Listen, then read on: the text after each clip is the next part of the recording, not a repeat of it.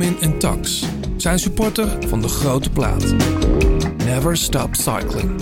Ora, ora che tutto migliora, cosa bonita è ora. E questo ben John, daar zijn we weer. Toch voor mijn gevoel al lang geleden. Ja, een paar weekjes. Laatst met Corton. Eh, geniet je ook zo van de Olympische Spelen? Ja, man. Die sprinters, dat is toch niet normaal? Ja, en eh, drama, succes, eh hectische spelen. Zeker. Jij bent natuurlijk van de baan, hè? Mhm. Maar jij hebt toch op de Olympische Spelen... eh, zat jij in de... Ploegentijdrit en Ja. ploegenachtervolging. Ja. Ehm, eh, kijk je dan nu als oud-Olympier... daar dan met... Ja, die, die onderdelen, die ploegachtervolging zitten natuurlijk nog wel in. Mhm.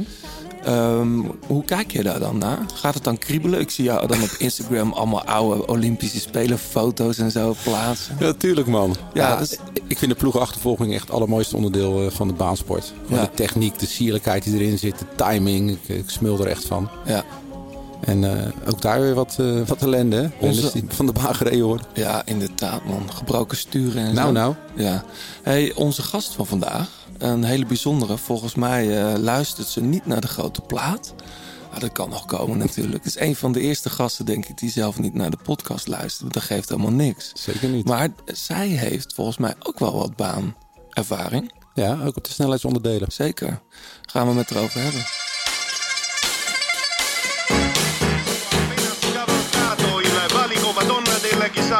Solo al comando un olandese Johnny Eugerman della Dat is de liefde. De liefde voor de koers. Blijleven trok de sprint aan. Toen kwam John den Braber eroverheen. En John den Braber wordt de nieuwe kampioen van Nederland. Je luistert naar De Grote Plaats. Een podcast van oud-wielerprof en muziekjournalist John den Braber... en muzikant, zanger en wielerfanaat Blauwtsoen. Zij nemen samen de meest opmerkelijke gebeurtenissen in het profpeloton door... bespreken hun favoriete nieuwe muziek... en gaan op zoek naar het muzikale hart van renners... en het wielerhart van artiesten.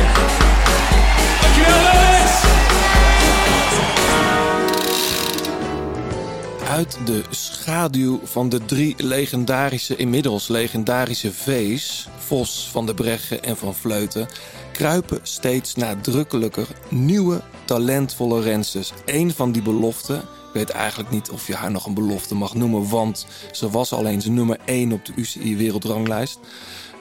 Zij rijdt bij Team DSM, is 22 en werd in 2019 Nederlands kampioen in Ede. Dit jaar staat de teller al op 10 zeges. Met onder meer de Scheldeprijs en, nog niet zo heel lang geleden, twee ritzegers in de Giro Donne. Welkom Lorena Wiebes. Ja, dankjewel. Leuk dat je er bent. Ja. Hey, die, die, die, eh, die Giro, dit was toch helemaal niet gepland, of wel? Nee, nee. eh, Sinds de ehm, etappes bekend waren, toen eh, heeft het team besloten om mij toch mee te nemen. Gewoon sprintkansen, toen dachten we, bellen Lorena. Ja, ja, ja, er was eigenlijk één plekje nog vrijgehouden voor de rens die het best bij het parcours dan zou passen. En dat was voor mij, ja. Was je eerste Giro, toch? Ja, dat ook, ja. Hoe was het? Ja, het was heel leuk. Ja, ik heb er wel van genoten. Al zaten wel wat lastigere ritten in. Dus Ja. dat was voor mij eh, ja, wel wennen om eh, binnen de tijd binnen te komen natuurlijk. Het is toch voor de dames de, ja, de, wedst, de meerdaagse wedstrijd, toch? Ja, dat Ja. wel. Ja. Het is onze langste etappekoers, ja. Ja. Ehm, twee ritzegers. Best bijzonder, vind ik. Toch? Of had jij zoiets, nou, dat doe ik er even bij. Ja, we gingen er natuurlijk wel voor. Ook omdat eh, niet alle topsprinters aan het start stonden. Eigenlijk mijn grootste concurrente dan Emma Noorskaart eh, was er. Dus ja, het moest eigenlijk wel. Ja. Wel te gek hoor. Gefeliciteerd nogmaals. Als we dat nog niet gedaan hadden in de podcast. Maar die luister jij niet. Ho- Hoor ik net. Eh, ik, ik hoorde ook trouwens, maar dat wisten we stiekem al een beetje. Dat eh, Anne van der Breggen laatst ergens riep dat dit haar favoriete podcast was. Ja. Nou, dat is hartstikke mooi. Bij de NOS. Oh ja, bij de NOS. Hey, ehm, van een, een collega van je, eh, woont hij vlakbij, Floortje Mackay. eh, die zei, ehm, Lorena, met een rugnummer op, is een heel ander persoon dan zonder. Klopt dat? Ja, dat klopt denk ik wel, ja. Normaal ben je vrij rustig en op de fiets een killer. Ja, dan ben ik wel anders, ja. Ja, Hoe komt dat?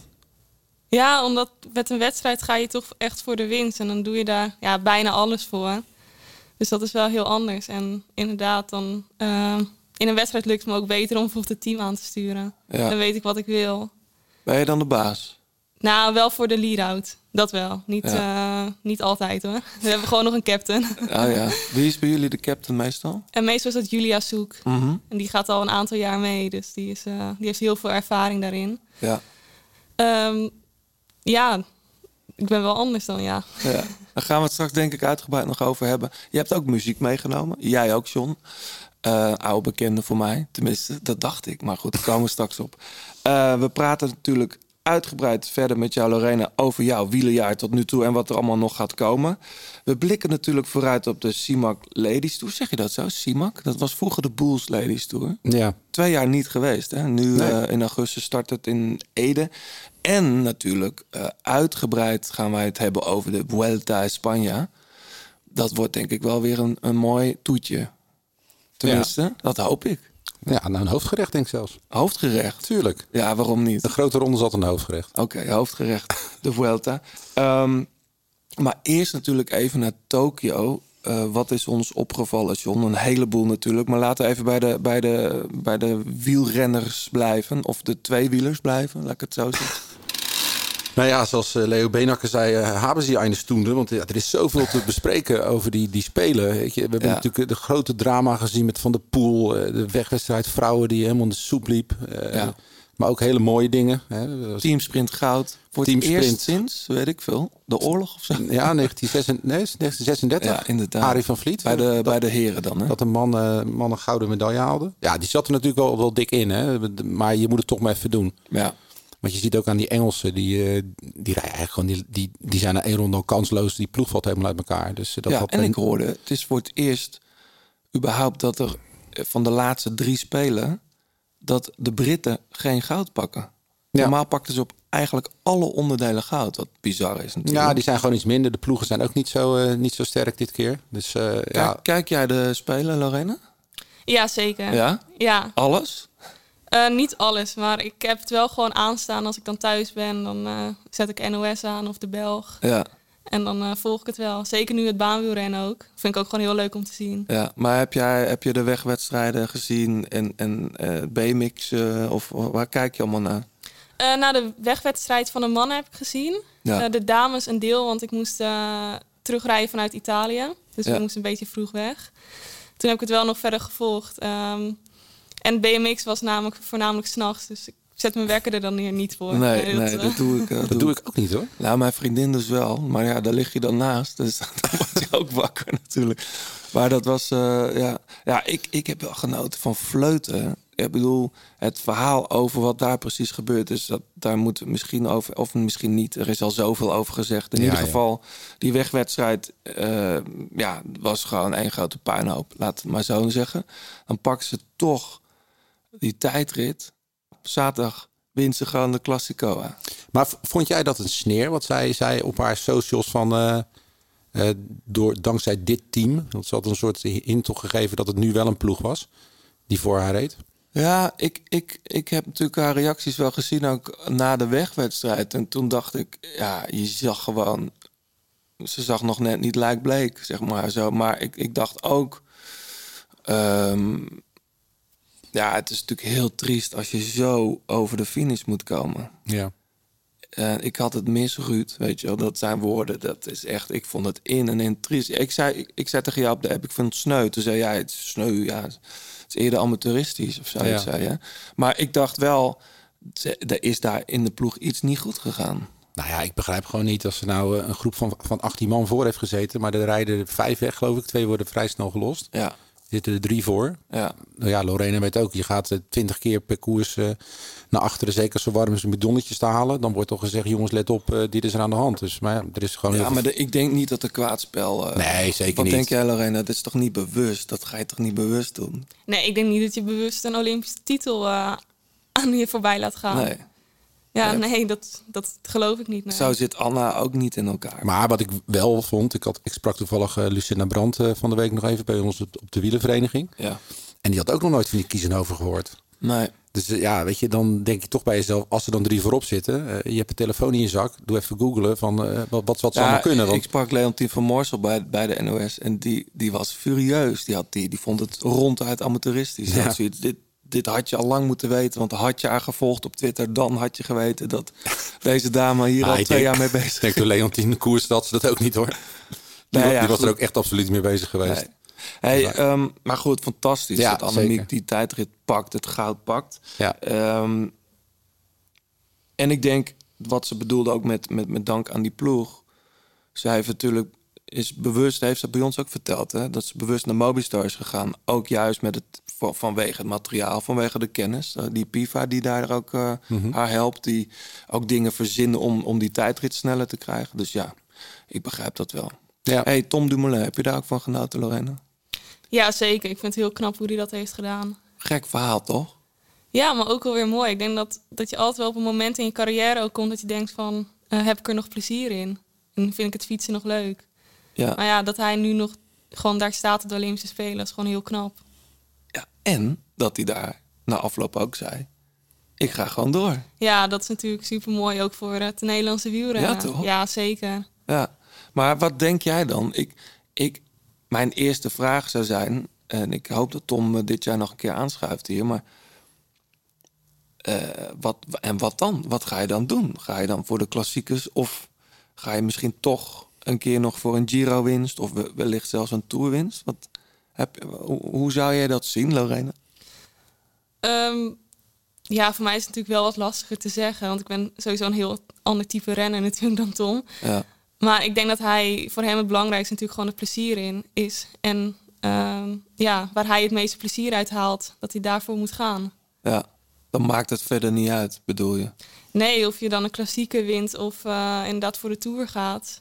Ja, als je maar plezier in hebt Ja. uiteindelijk. Ik zat nog te denken, John. Parijs-Roubaix, 3 oktober bij de mannen.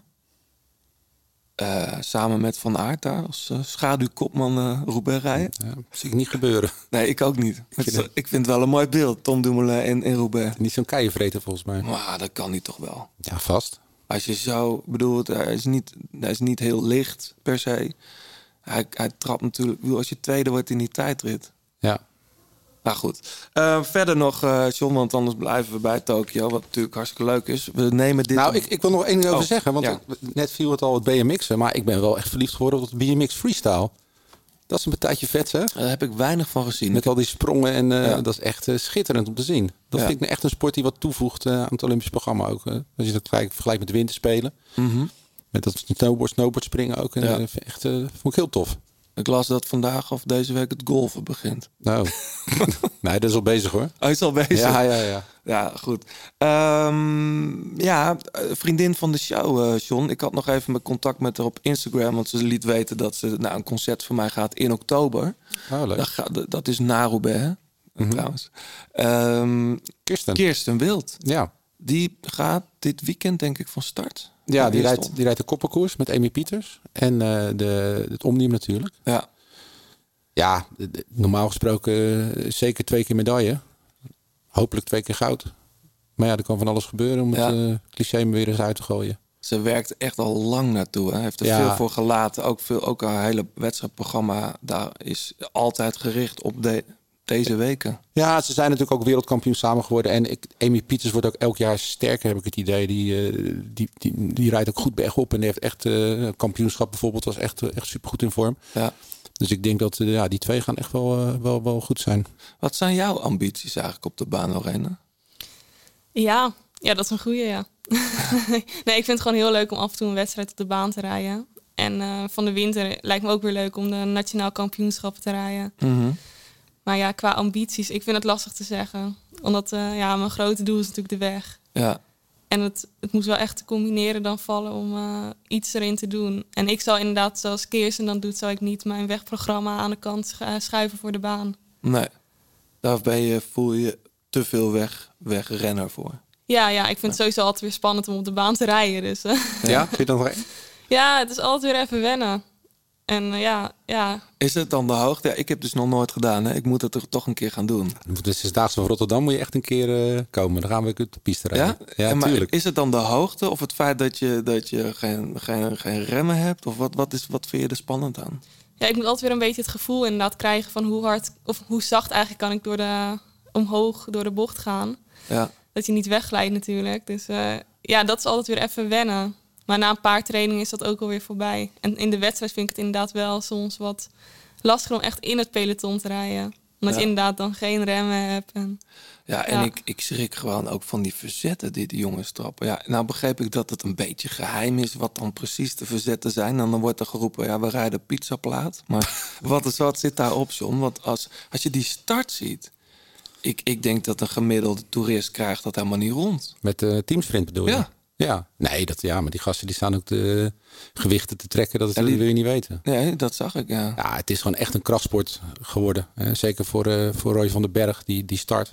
Ja, Je moet gewoon in, in 17 seconden moet hij, dat, eh, moet hij daar zo'n zo'n ploeg op gang trekken. En, eh, maar je ziet met al die onderdelen, ook in de sprint, eh 60 voorbladen met 60 tandjes. Dat is echt, eh, echt geen uitzondering. Nee. Hey, en Harry Lafrijs is, is natuurlijk, komt van de BMX, hè? Dat is ook wel Ja, allemaal bijna. Ja? Edis Lichtlee is als BMX Ja. begonnen. eh, volgens mij eh, Jeffrey ook. Hier zit volgens mij nog iemand aan tafel. Niet? nou, iets anders was Ja? het, ja. Ja, ik ben op een BMX eh, eh, fietsje begonnen met crossjes rijden. Ah. Ik heb wel een keer een BMX-wedstrijdje gedaan bij de club. Dat wel. Ja. Grappig, ja. Daar gaan we zo, gaan we zo over praten. Jij, hebt, ehm, er is heel veel transfernieuws, gaan we het niet over hebben, maar toch even één naam genoemd hebben. Sagan, dus, dus door hè, die deal. Ja, met Hadden zijn we- sponsor. Hadden we al genoemd. Volgens mij gaat zijn broer niet mee. Oh. Maar Botnar en Daniel Os wel. En eh Nicky rijdt volgend jaar dus met eh, Peter Sagan En op Specialized op weer. Specialized. Dat zal hij wel fijn vinden, Dat denk denk ik ook, ja. Nu de shirts nog. Ja, man, man. Ja, jij lacht er allemaal Lorena, maar dat zijn toch spuuglelijke shirts van Total Direct Energy. Ja, ik vind ze ook niet de mooiste. Goed. Eh John, jij wilde hier nog even over hebben.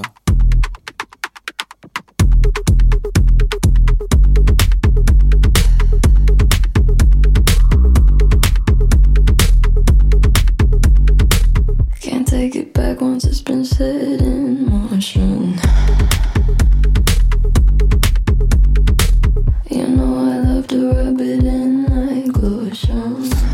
Ik heb, ik heb deze track even opgezet, want ik, ik browsed even do- snel door het album heen waar iedereen het over heeft. Dit Ja. vond ik wel meteen eh, de lekkerste track. Ja, ik ook. Ja? Ja, Want waar hebben we het over? Eh, Billie Eilish. Ja, jij wilde het toch even genoemd hebben. Want Ja, het is gewoon de, meest urgente release van dit moment natuurlijk. Eh, Ik denk wel de artiesten van eh, dit jaar. Mhm. Of eh, van, van, van, ja, van deze generatie. Die eh, heel erg inspirerend is op allerlei gebieden. ja, En ook, eh, ik, vind, het, ik vind de plaat niet zo goed als, als, als het debuut. Maar ik vind het wel echt een, eh, echt een dik album. Happier Ja. than ever. Dus. ja. Ja, ja ik, ik, die, die track was ook al uit, hè? Zelf, die single Ja. Happier Than Ever. Ja. Ja. Luister jij dit, eh Billie Eilish? Niet, Ja, af en toe wel, maar ik moet altijd een beetje wennen aan haar eh, nummers. Ja? Dat wel, ja, ja, ik moet er altijd een beetje inkomen dan Ja. weer. Ik moet het een paar keer gehoord hebben voordat ik het echt eh, Ja. leuk vind, ja. Ja. ja, die plaat is dus uit. Happier Than Ever. Voordat we verder gaan met Lorena, John, de reacties. Eh, Ernst van Doorn die had een vraag aan ons. Eh, beste Johnny Johannes, ik heb nu ongeveer een jaar een racefiets en geniet sindsdien van het kijken naar koersen en jullie podcast. Ik vroeg me af, wat fietsen jullie als mede brildragers op jullie neus? Op de fiets? Ja. Ik heb, eh, ik heb een pok, pokbril. Ja, POC. Maar, maar zit daar, je, hebt, je, hebt, je hebt daar een versterkt glas in, toch? Ja, maar de- ik, heb, ik heb daar een, een, een, een truc voor bedacht. Oh, Ja, ik, Pok heeft echt hele mooie brillen, vind ik. Ik, ik rij ook met die helmen van ze. Alleen, eh, ik, ja, zonder... Je ziet, zult het wel zien, Lorraine, maar zonder deze glazen in mijn gewone bril... zie ik gewoon niet zoveel. Dus ik heb ook bij mijn racebril altijd van die, van die glaasjes erachter nodig. Dat kan niet in de originele Pokbrillen nog. Dat schijnt wel binnenkort te kunnen. ja, bij andere dus merken ook bestel ik het ergens eh, op een eh, hele bekende site. Voor heel weinig geld. En dan eh, ja, zet ik daar die glaasjes maar in. Maar het zijn wel exact gewoon die pokbrillen. Ja. Sorry, pok. Ja, nou, ik, ik kan zonder, zonder bril prima fietsen, dus ik, eh, ik heb gewoon een normale bril. Huh? Maar jij hebt er gewoon een zonnebril op. Ja, maar ik, ik heb geen, ik heb geen eh, Ja, maar wat, wat voor bril rij je? Wat voor merk? 36. Oh ja. Dus ik heb, ja, ik, ik heb niet, nee, ik heb, ik heb niet echt versterkt glas die, nodig. ik vind, heb je die bril van, van Grant Thomas wel eens gezien, Lorena? Ja, daar rijdt hij natuurlijk al eh, jaren mee. Die wordt alleen nog voor hem gemaakt, hè? Ja, dat is bizar, ja. Ik vind het... Vind je mooi? Het is niet mijn fav- favoriete Oakley. Nee, Nee. zeker niet. Nee, want waar rij je met Oakley-brillen? Nee, nee, wij Ah. rijden met Roka. Oh ja, Ja, ook hele mooie brillen, ja. ja. Wel belangrijk, toch? Een goede bril.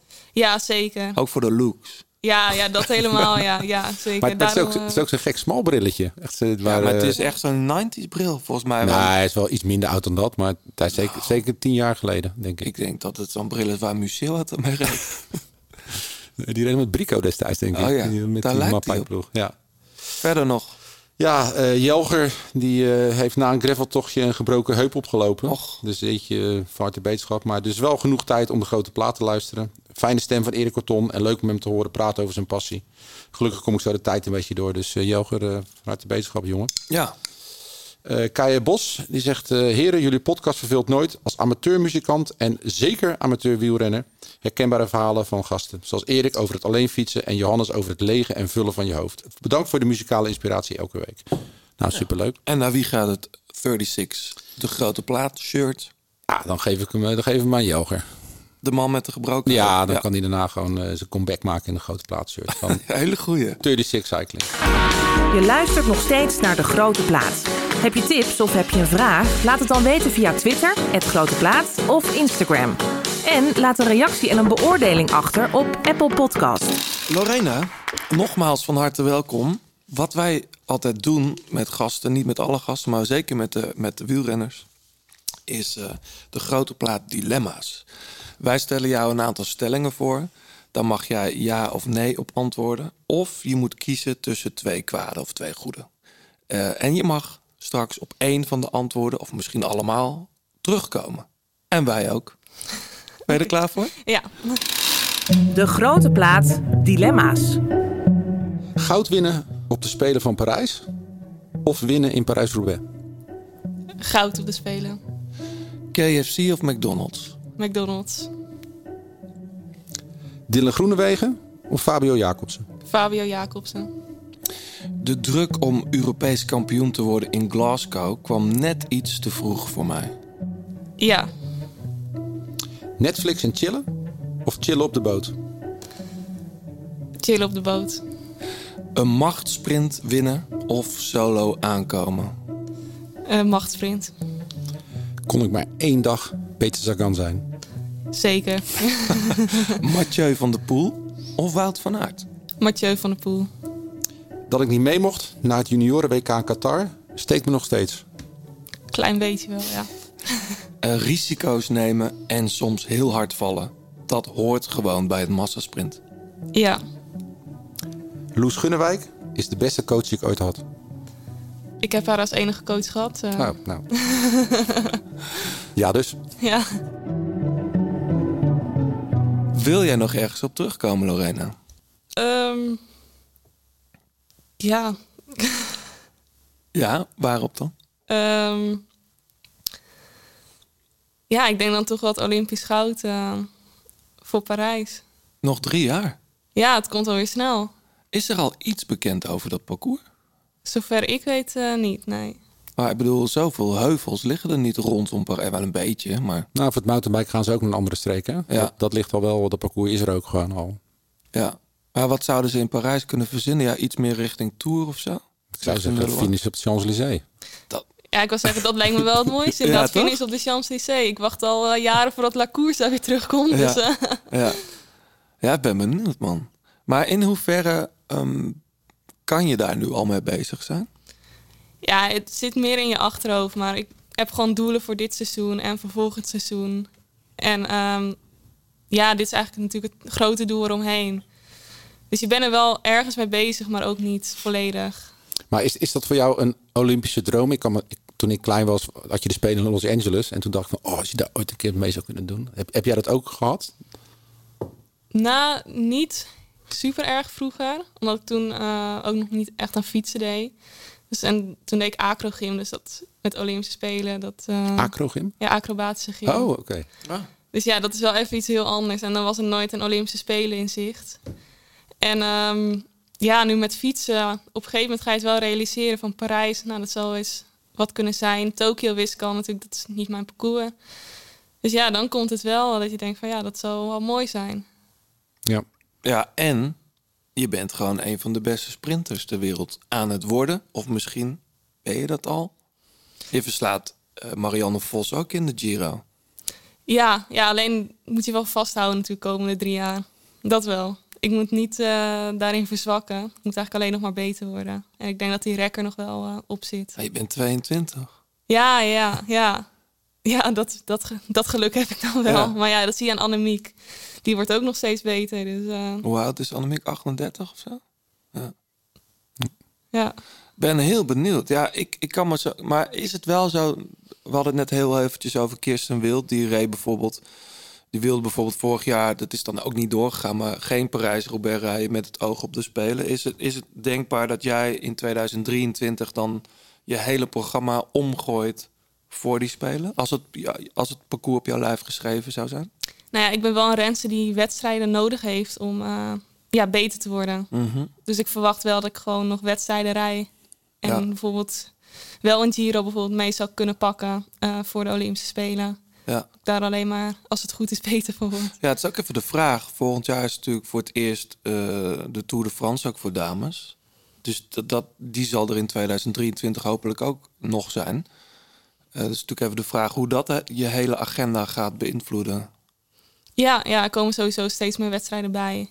Alleen maar mooi natuurlijk. Ja, toch? Maar het wordt wel iets meer puzzelen. Nu kan je makkelijker zeggen, van, oh, ik pak die wedstrijd mee en die. En dan Ja. is het programma wel weer aardig eh, gevuld, ja. Hey, hoe is het fietsen eigenlijk begonnen bij jou? Want we, we gaan nog zeker terugkomen op een aantal dilemma's hoor. Maar zeker die van Peter Sagan wil ik nog even over. Maar hoe, hoe is het fietsen begonnen eigenlijk bij jou? Eh, ik begon eigenlijk gewoon bij de club bij UWTC eh, in Uithoorn te rijden op een, inderdaad op een BMX-fietsje door de modder heen. En ehm, ja, Maar de anderen rijden dan op crossfietsen of op veldrijfietsen? Of hoe moet ik dat zien? er waren ook wel meerdere op BMX-fietsen. Want Ja. we waren toen, eh, ja, we deden het gewoon voor de lol, want het was zondagochtend. Ja. En eh, ik trainde daar ook niet echt, eh, nee, ik trainde er eigenlijk niet voor. Gewoon alleen daar voor de lol fietsen. Af en toe ook, ik heb ook wel eens meegedaan met de dikke bandenrace. Oh ja. Dat soort dingen, ja. Maar het wegwielrennen sprak mij toen nog niet aan. Op een gegeven moment heeft mijn vader wel een... toen kwam er op een gegeven moment inderdaad ook een crossfiets. Ehm, bij categorie 6 heb ik voor het eerst meegedaan met NK, veldrijden. Oh ja. En ehm, toen kwam er ook een wegfiets. Maar dat wegwielrennen vond ik eigenlijk helemaal niks. Ehm, En hoe is dat veranderd dan? Ja, dat begon op een gegeven moment bij de nieuwelingen. Dat ik toch dacht van, oh ja, nou, laat ik het toch maar weer eens proberen. En toen ben ik ook nationaal gaan rijden en toen beviel het me wel goed. Hm. Toen ging het ook wel een stukje beter.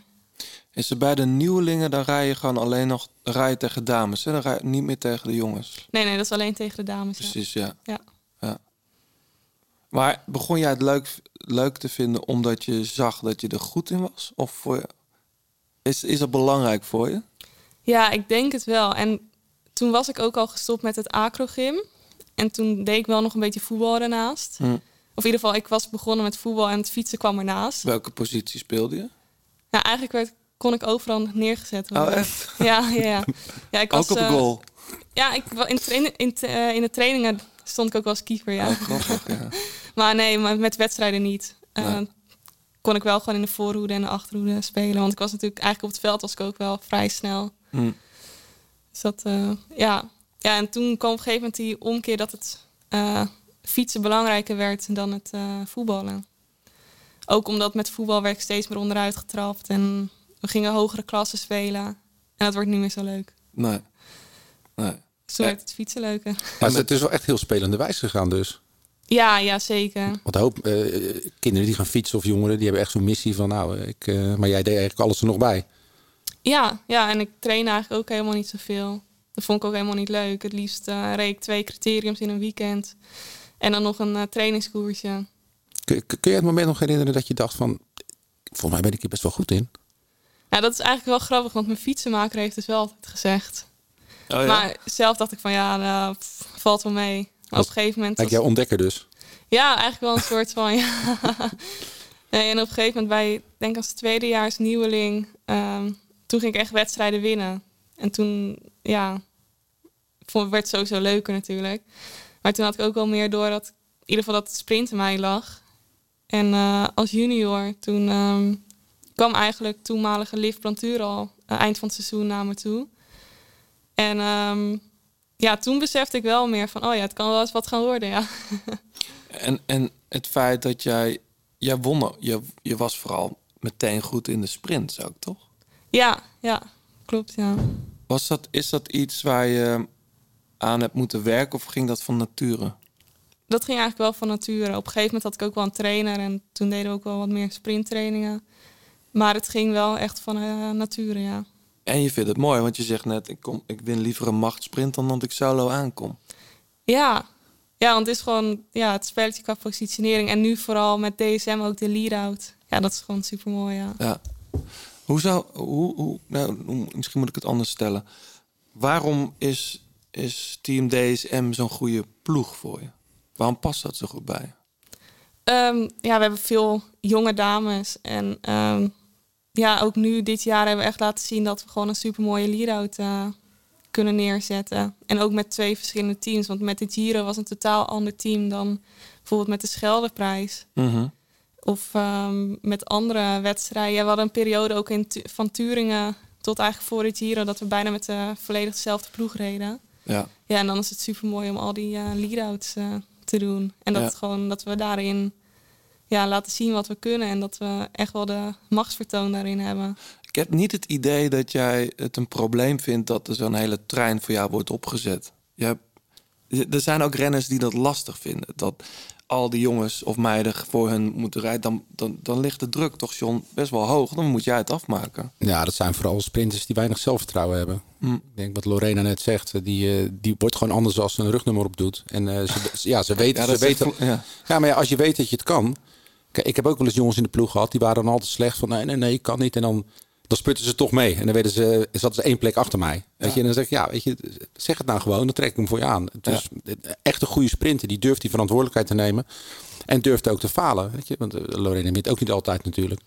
Want dat er gaat, ben ik echt wel benieuwd wat, wat het kampioenschap voor jou heeft betekend. Toen jij Nederlands kampioen werd, was dat echt de bevestiging van nou, ik kan eigenlijk gewoon iedereen kloppen. Ja, wel een beetje, maar op dat moment denk je daar ook niet zo over na. Eigenlijk. Ja, ik wil het gewoon. We hadden eigenlijk dat doel al eerder gezet met het hele team. En ehm, ja, daar is ook uiteindelijk die document, soort van documentaire over gemaakt. En ja, dat was natuurlijk gewoon super mooi. Maar je, je was wel echt de, de torenhoge favoriet die dag. Ja, al voelde dat niet per se zo. Omdat ik ook wist dat inderdaad Marianne kon winnen. Of Amy. Of ja, Annemiek, Ellen. Ja, we hebben zoveel goede dames aan Ja. de start. Maar we hadden het, we hadden het eh, ik noemde het eh, gek- oh, nee, niet gekscherend. Ik noemde het heel serieus net de, de bijna legendarische drie V's. Maar Vos werd daar tweede, Van Vleuten wordt daar vierde. Volgens mij reed oh nee, Anne van der Breggen reden ook, kwam pas op een minuut aan.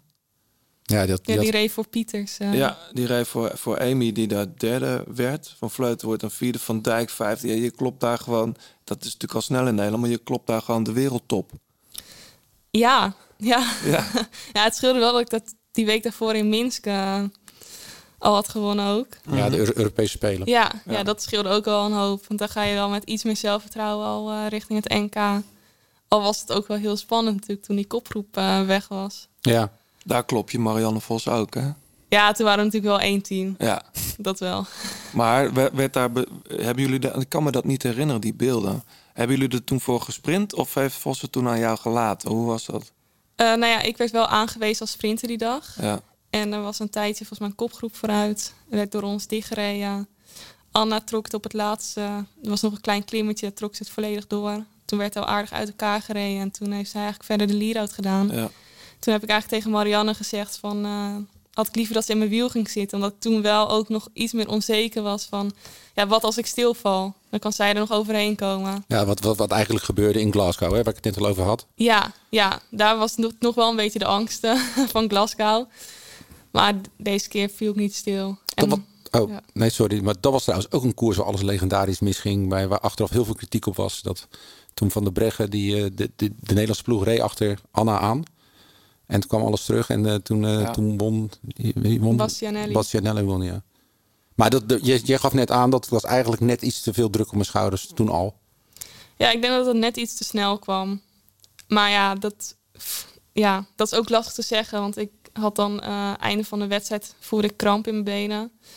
Eh, had ik toen ook aangegeven.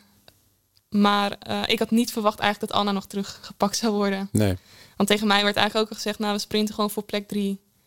En ehm, ja, achteraf is misschien iets te veel druk. Maar voor hetzelfde geld had ik wel een goede dag gehad. Ja. Dus dat is ook weer lastig om te zeggen. Het was ook een zwaar parcours achteraf. Ja. Hey, over dagen en goede dagen gesproken. Jij zegt eh, op, op de stelling: kon ik maar één dag Peter Sagan zijn? Volmondig ja. Hoe, hoe, hoezo? Ja, dat is toch eh, mooi, ja. Ja, ik vind het een mooie gast. Ja. Ja, hoe- Vol, volg je hem? Wat hij doet, hoe hij hoe die rijdt? Wat... ja, ja, ja, zeker. En ik hoop eigenlijk bij een nieuwe ploeg dat hij weer even eh, wat beter gaat rijden. Ja. Maar wat, wat spreek je zo aan in, in hem dan? Is ook dat flamboyante, dat toch een niet typische wielrenner? Ja, ja, dat ook. En gewoon hoe die eh, inderdaad wel eens eh, qua social media en dat soort dingen. En ook gewoon inderdaad niet alleen een sprinter, maar ook voor de aanval gaan. Ja, dat is, ik vind dat wel mooi, ja. Mm. Ja. Hey, in, in, ehm, in, in interviews eerder vorig jaar, en dat volgens mij 2020, ik vergeet de jaartallen nu met het corona. Ja, gek nu is dat, hè? 2021. Maar jij bent afgelopen jaar eh, redelijk openhartig geweest over eh, je broer die verslaafd is. Verslaafd was. Ik weet eigenlijk niet. Verslaafd blijf je volgens mij altijd, hè? Ja, je blijft altijd wel, ja. Ja, hij zat ook in een programma. Jij hebt er ook in het AD een, een, een interview over gegeven. Ehm, daar zei je heel mooi, ieder huisje heeft zijn kruisje. Dus bij ons speelt dit. Heeft dat, heeft dat een grote invloed gehad op jouw wielercarrière? Want ik kan me voorstellen dat het invloed heeft op jou of op de familie. Dat als er, zo, als er iemand in de familie is die verslaafd is aan, aan harddrugs... Is, is, heeft dat jouw wielercarrière gevormd? Of kan ik dat niet zo stellen? Ja, dat denk ik wel. Eh, op welke manier, denk je? Voor mij was het wel een soort van uitvlucht. eh. Oh ja? ja, ik, eigenlijk alles stopte ik in het wielrennen. Wat dan, bijvoorbeeld als ik boos was of zo, Mhm. kan je toch uit in het wielrennen. Ja. En ook, ik vond het fijn om eh, op trainingskamp te zijn of eh, wedstrijden te rijden. Gewoon weg Ja, uit de situatie. ja het, het zet je gedachten verder gewoon uit. Ja. Ja. Is dat nog steeds zo? Is dat nog nodig?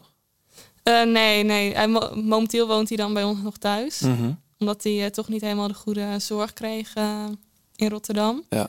Want woon jij ook nog bij je ouders? Ja, ja ik Ja. woon ook nog bij mijn ouders thuis. Ja. Dus ehm, ja, nu is het gewoon dat hij in ieder geval clean is. En dat is het belangrijkste. Ja. Dus daarin is er geen eh, irritatie bij mij meer. Nee, dat begrijp ik. dus dat scheelt, ja. Ja. Maar het lijkt me best wel... eh, Ik bedoel, het is sowieso... Ik weet het, mijn zoontje, zoon inmiddels... maar die heeft een tijdje gewiel, gewielrend, ook wel landelijk gereden. Ik weet dat er voor de ouders een behoorlijke druk is. Voor, voor, bij voetbal denk ik altijd... jij hebt een heel team, elke ouder rijdt een keer het jaar naar een uitwedstrijd. Maar bij, bij wielerouders, die moeten het hele land met je door. Elk weekend, soms wel drie keer. Dat is, lijkt me best wel. Dat is dan in een situatie ook nog bij jullie thuis. Is dat misschien nog wel dubbel zo heftig geweest? Nou, ik denk dat het juist voor mijn ouders ook fijn was. Hmm. Dat ze even weg konden. Ja. En ook even niet over de situatie thuis hoefden na te denken. Want dat is wel grappig, want toen ik op een gegeven moment bij Swabeladies ging rijden... toen kon ik inderdaad vaker met het team meerijden naar wedstrijden. Ja. Maar toen kwamen ze er alsnog wel achteraan gereden. Ja, dus eigenlijk was het eigenlijk was het voor, je, voor je ouders ook een soort. Wielrennen is wat dat betreft, wat dat betreft een soort van. even een, eh, een, een veilige haven geweest. Ja, Misschien. ja, dat denk ik wel, ja. Ja. Grappig. Nou, het is mooi toch eigenlijk? Het is Ja. helemaal niet grappig. Het is mooi dat het kan, dat sport dat kan doen, toch? Ja, maar uiteindelijk denk ik inderdaad wel dat het... ehm, ja, dat mij dit heeft gebracht. Ook mede doordat inderdaad eh, de thuissituatie was.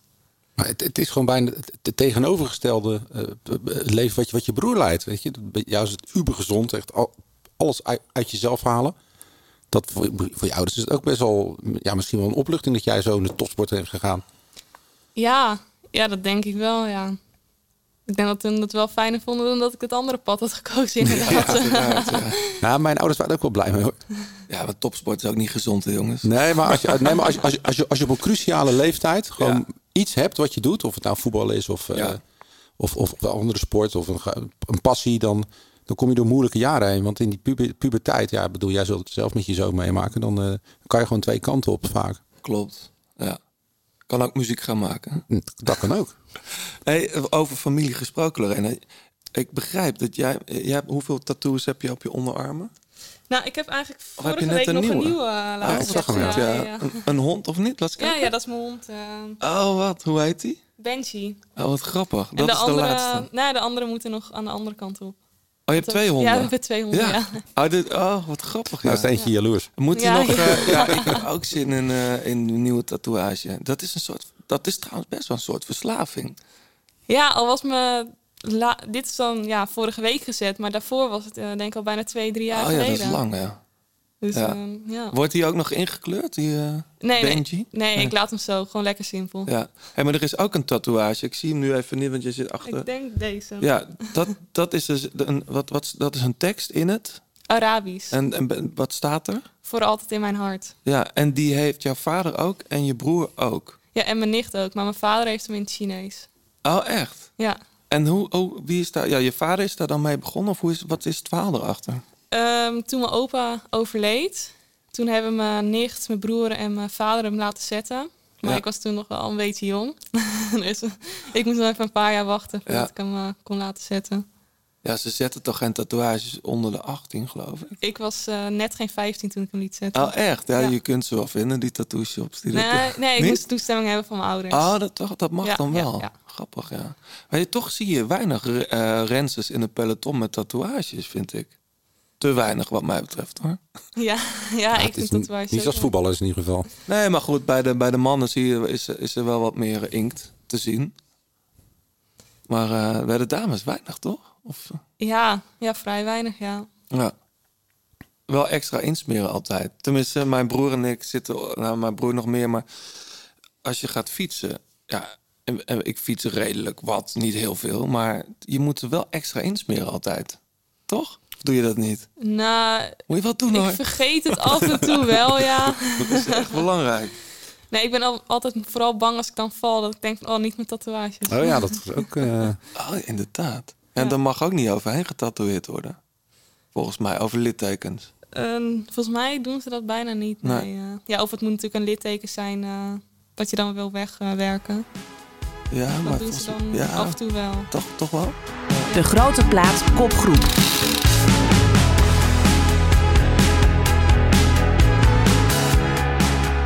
Lorena, we gaan zo naar muziek van jou luisteren. We gaan natuurlijk ook uitgebreid eh, vooruitblikken naar de Vuelta.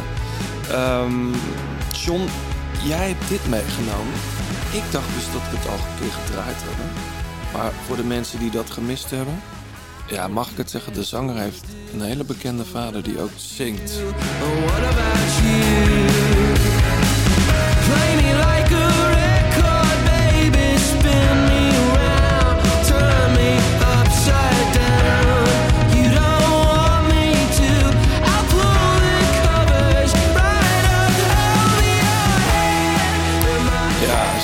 heb jij meegenomen. Vind je het wat, Lorena, of niet? Is het niet echt jouw ding? Nee, het is niet echt de muziek waar ik Nee. normaal gesproken naar Dit heeft, luister. dit heeft John meegenomen. mhm. Ja, ik, ja, ik weet het, maar ik herken het ook wel een beetje. Maar Ja, maar het is ook wel een beetje als je het weet, dan hoor je het wel. ja. Nee, dit is eh, het bandje Inhaler. En die hebben eh, net hun debuutplaat uit. eh, It Won't Always Be Like This. Eh, de plaat is eh, in Engeland op één binnengekomen, wat, eh, wat heel bijzonder is. Het Oh, is ja. zelfs eh, de, de vader van de zanger eh, niet gelukt. Eh, de zanger is Elijah Houston en dat zegt natuurlijk helemaal niemand wat. Paul Houston. Maar dat is de zoon, de zoon van Paul Houston, dat zegt nog niemand wat. Maar dat is dus Bono. Dus het is de, de zoon van Bono, de zanger van U2. En eh, je ziet het wel vaker. Hè? Bijvoorbeeld de zoon van Sting, die heeft ook Fiction Plane Ja. op Pinkpop gestaan. Ja. Maar dit is, ja, deze plaat heb ik gewoon de afgelopen maand echt superveel gedraaid. Ook Zie je al zo lang uit. le- ja, lekker in het zonnetje zat. Ja. Gewoon fijne plaat. Ik heb een beetje Nothing But Thieves vibe zit erin. En ook inderdaad U2 natuurlijk niet te ontkennen. Eh, het zijn vier gasten uit Dublin. En eh, ze waren op BBC Sound of... eh, tenminste niet Sound of 2020. Wat een heel prestigieuze titel is. Celeste Ja. was dat volgens mij. Maar daar waren ze ook al getipt. Dus ehm, ja, je kent misschien het hitje My Honest Face. Dat was vorig jaar of het jaar daarvoor Ja. is het uitgekomen. Ja. Lekkere band, lekker, lekker wegluisteren. Dus check, die, check die plaat. Ik ben benieuwd wat hij met zijn carrière gaat doen. Maar ja, dit, dit is wel een band die denk ik zeker in Engeland en... en, en... Ik op Pinkpop staan hoor. Zeker wel, absoluut.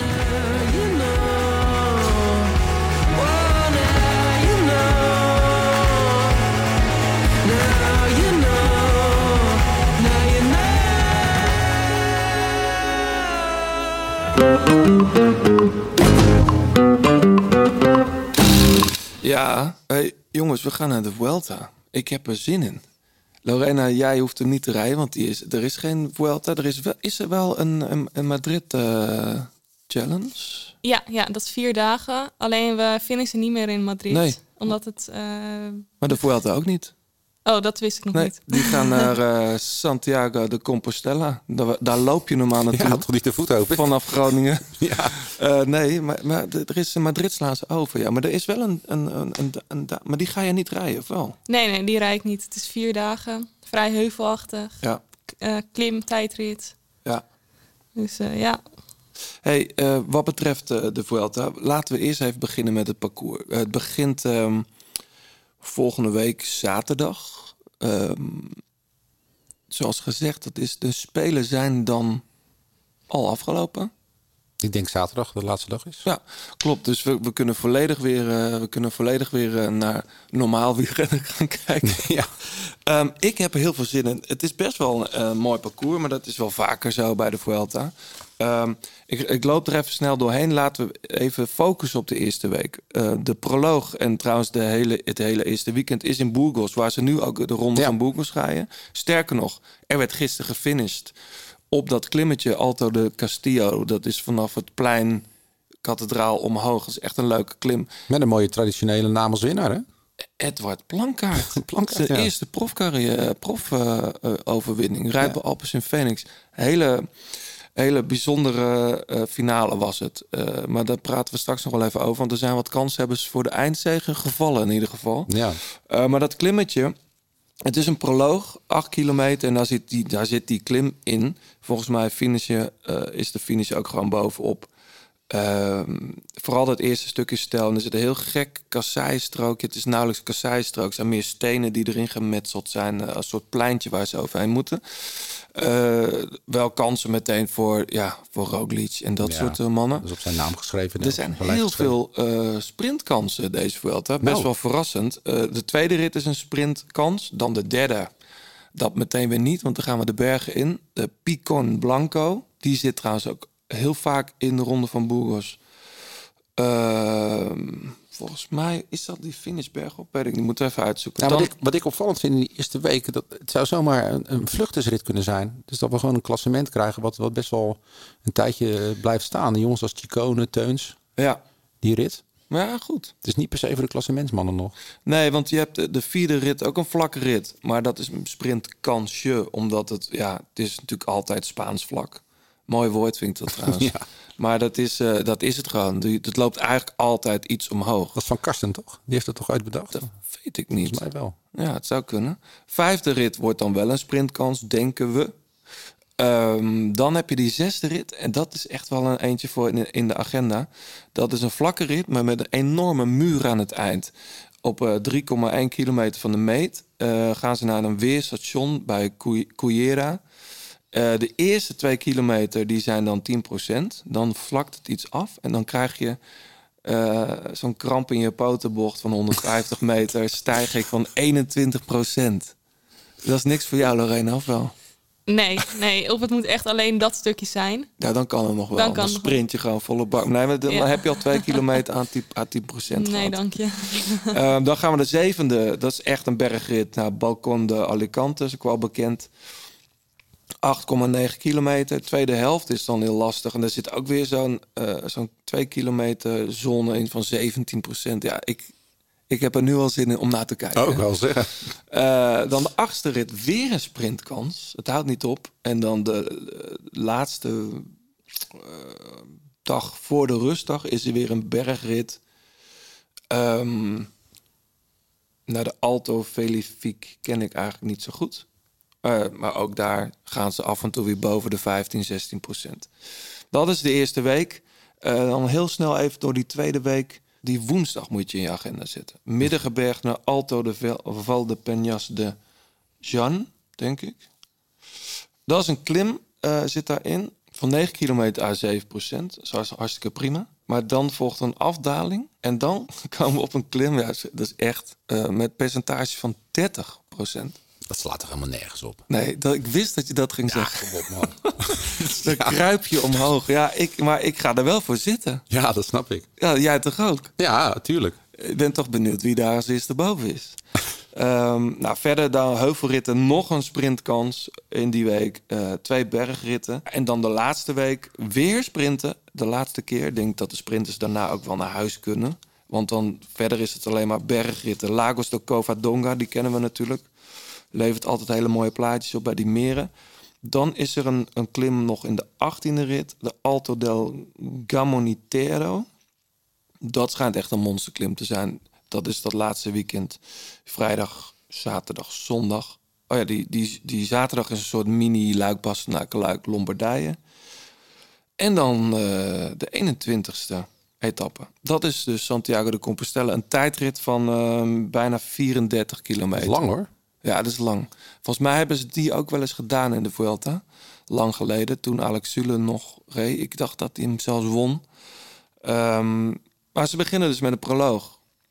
Als je wil gaan kijken, en dat gaan we natuurlijk met z'n allen doen. eh, half zes, rond half zes zijn de finishes. Behalve dus de proloog en de tijdrit. Want die doen ze dan weer s'avonds. Ah, het is Ehm, echt een ontiegelijk zware Vuelta. Het is heel zwaar. Echt, het is heel zwaar. En we, we gaan zo natuurlijk eh, even, even eh, bekijken wie de, de favorieten zijn op, eh, op welk vlak. Ehm Jumbo-Visma gaat daar met een hele sterke ploeg naartoe. Ineos ook. Maar die, ja, het is heel stom hoor. Maar Bernal en Adam Yates vallen gisteren best wel hard. Bleven lang liggen, komen op 10 minuten van de winnaar aan in de ronde van Boegels. Dat is natuurlijk niet echt een ideale start van de, van de Vuelta. Maar eh Pitcock rijdt dus ook. Ja. Carapaz rijdt dus ook. Vlaashoff rijdt ook. Dus het is ongelooflijk eh, wat er allemaal aan de start staat. Gaan we straks even doorheen. Maar op papier is dit wel gewo- of gewoon is dit een Vuelta voor Roglic, denk ik. Ja. Eh, Zeker met die laatste tijdritten nog in. ja, en ik ben heel benieuwd hoe Pitcock gaat rijden in de grote ronde. Ja, Ja. Olympisch goud op zak. Lekker. ja bijzonder. Ja, ja ik, ik, laten we het er zo even uitgebreid, uitgebreider over hebben. We gaan eerst even naar muziek. Lorena, jij hebt, jij hebt dit meegenomen. Vind ik hartstikke tof. Ik had die track wel eens gehoord.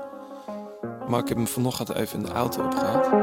I do the same thing I told you that I never would. I told you I changed. Echt een heel goed I liedje. knew I never could. Know that I can't find nobody else as good as you. I need you to stay. Need you to stay. I get drunk, wake up, I'm wasted still. I realize the time that I wasted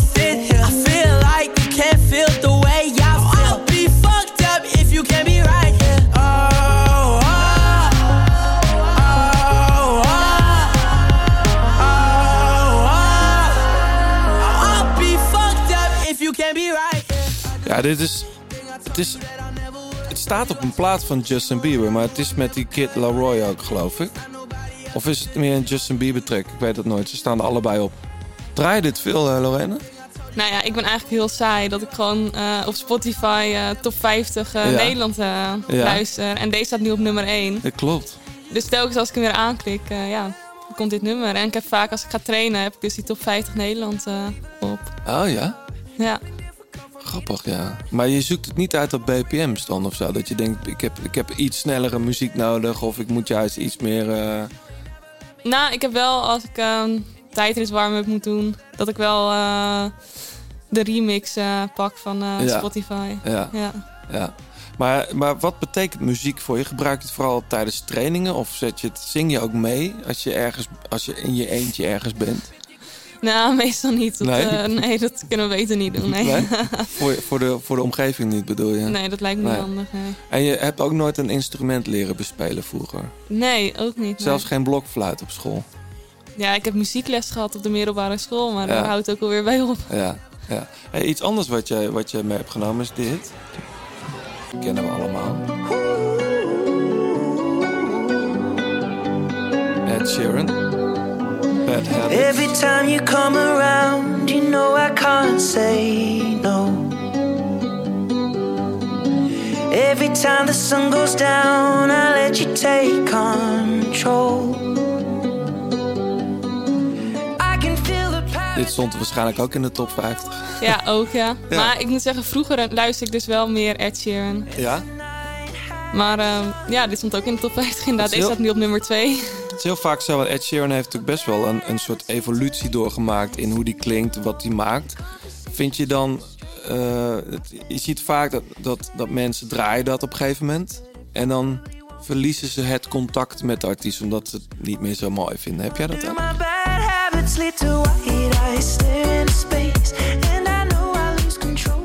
Ik moest wel wennen aan deze eerst. Ja, Maar Veel toen ik mensen. hem een paar keer had gehoord, dacht ik, ja, het is wel lekker eigenlijk. het is toch mijn ad. Ja, ja, ja. ja, Ja. Wat zijn eigenlijk jouw bad habits als ik zou luisteren naar die tekst? Heb jij slechte gewoonten?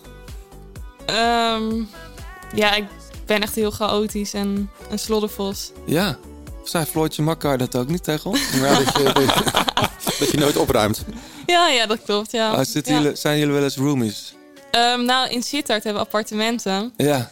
En eh Floortje en Julia hebben het appartement naast mij. Ja. Dus eigenlijk staat de tussendeur staat altijd open. En ik ben een soort van de huiskamer. En bij hun is een soort van, eh, ja, de eetkamer. Ah, echt? Ja. Dus, dus je krijgt vaak op je, op je sodomieten van ruim eens op. Nou, af en toe willen ze niet in mijn kamer komen omdat het rommelig is, ja. Ja. Ben je daar eigenlijk veel in, in Sittard? Want je- zegt we hebben daar appartementen, maar ik zie je ook veel, eh, ook bij Floortje trouwens, met, jullie trainen daar wel heel veel, alsof je er permanent woont. Ja, ik zit er wel flink wat periodes, ja. Ik Ja. ga er ehm, bijna ook weer heen. Aankomend weekend eh, ga ik er weer heen. En dan zit ik er eigenlijk tot die CIMAC eh Ladies Tour. Overweeg je ook wel eens om, om volledig daar te gaan wonen of, of Meidrecht te verlaten? Om, om naar een plek te verhuizen die misschien lekkerder is qua trainen. In het Groene Hart kun je natuurlijk mooi fietsen, maar Eh, voor nu niet, zeker omdat we de appartementen van de ploeg hebben. ah ja, Dus ja, dan is het een beetje onzin om dan nog een huis te gaan kopen in, eh, ja. in Limburg. En je kan er altijd terecht eigenlijk, begrijp ik goed. Ja, ja, dit is gewoon eigenlijk... ehm, voor dit jaar is dit mijn appartement. Ah ja. En daar komt ook verder niemand anders in als ik eh, weg ben. Nee, precies. En hetzelfde met dan die van Floortje en Julia. Ja. Die delen dan samen, omdat ze ook gewoon hele goede vriendinnen zijn Ja. En die zijn er iets minder vaak. Ehm, maar ja, dat, is- dat is wel heel fijn dat we daar altijd heen kunnen. Ja. Hey, maar, daar- maar, maar zoek je dan ook echt, echt de bergjes op? Of eh, is het eh, gewoon ook veel vlakrijden daar? Nee, als ik daar kom, dan eh, wil ik wel gewoon in de heuvels trainen.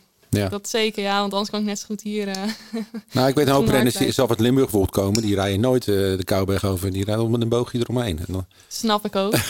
Maar is dat, is dat, ja, dat klinkt misschien stomme, die, die, die heuvels daar, die maken jou niet een mindere sprinter. Nee, want ik gebruik ook die heuvels juist. Ja. Ja, Omdat je puur op de, op de, op de, op de kracht omhoog gaat. ja of inderdaad sprintjes omhoog. Daar heb ik vaak wel eh, veel aan. Ja.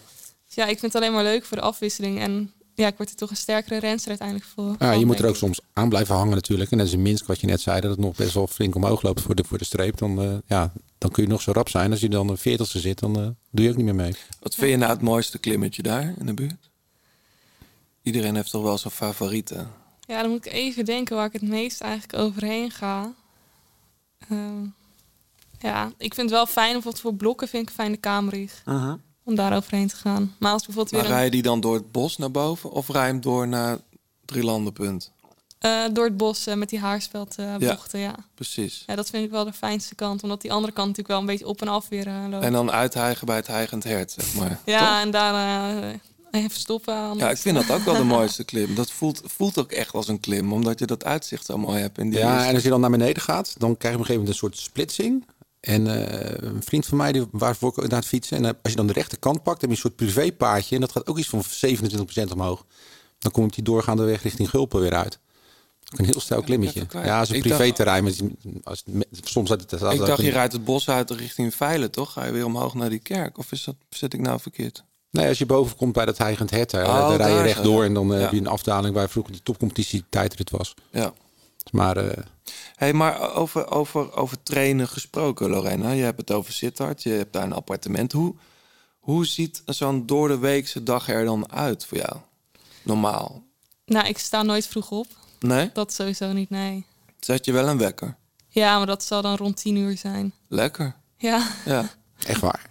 ja. En, en dan? Lekker zeg. ja dan ga ik er rustig ontbijten. En ehm, ja, dan ook weer rustig de fiets op. Wat, wat eet je? Als je bijvoorbeeld een, een trainingsdag voor de boeg hebt?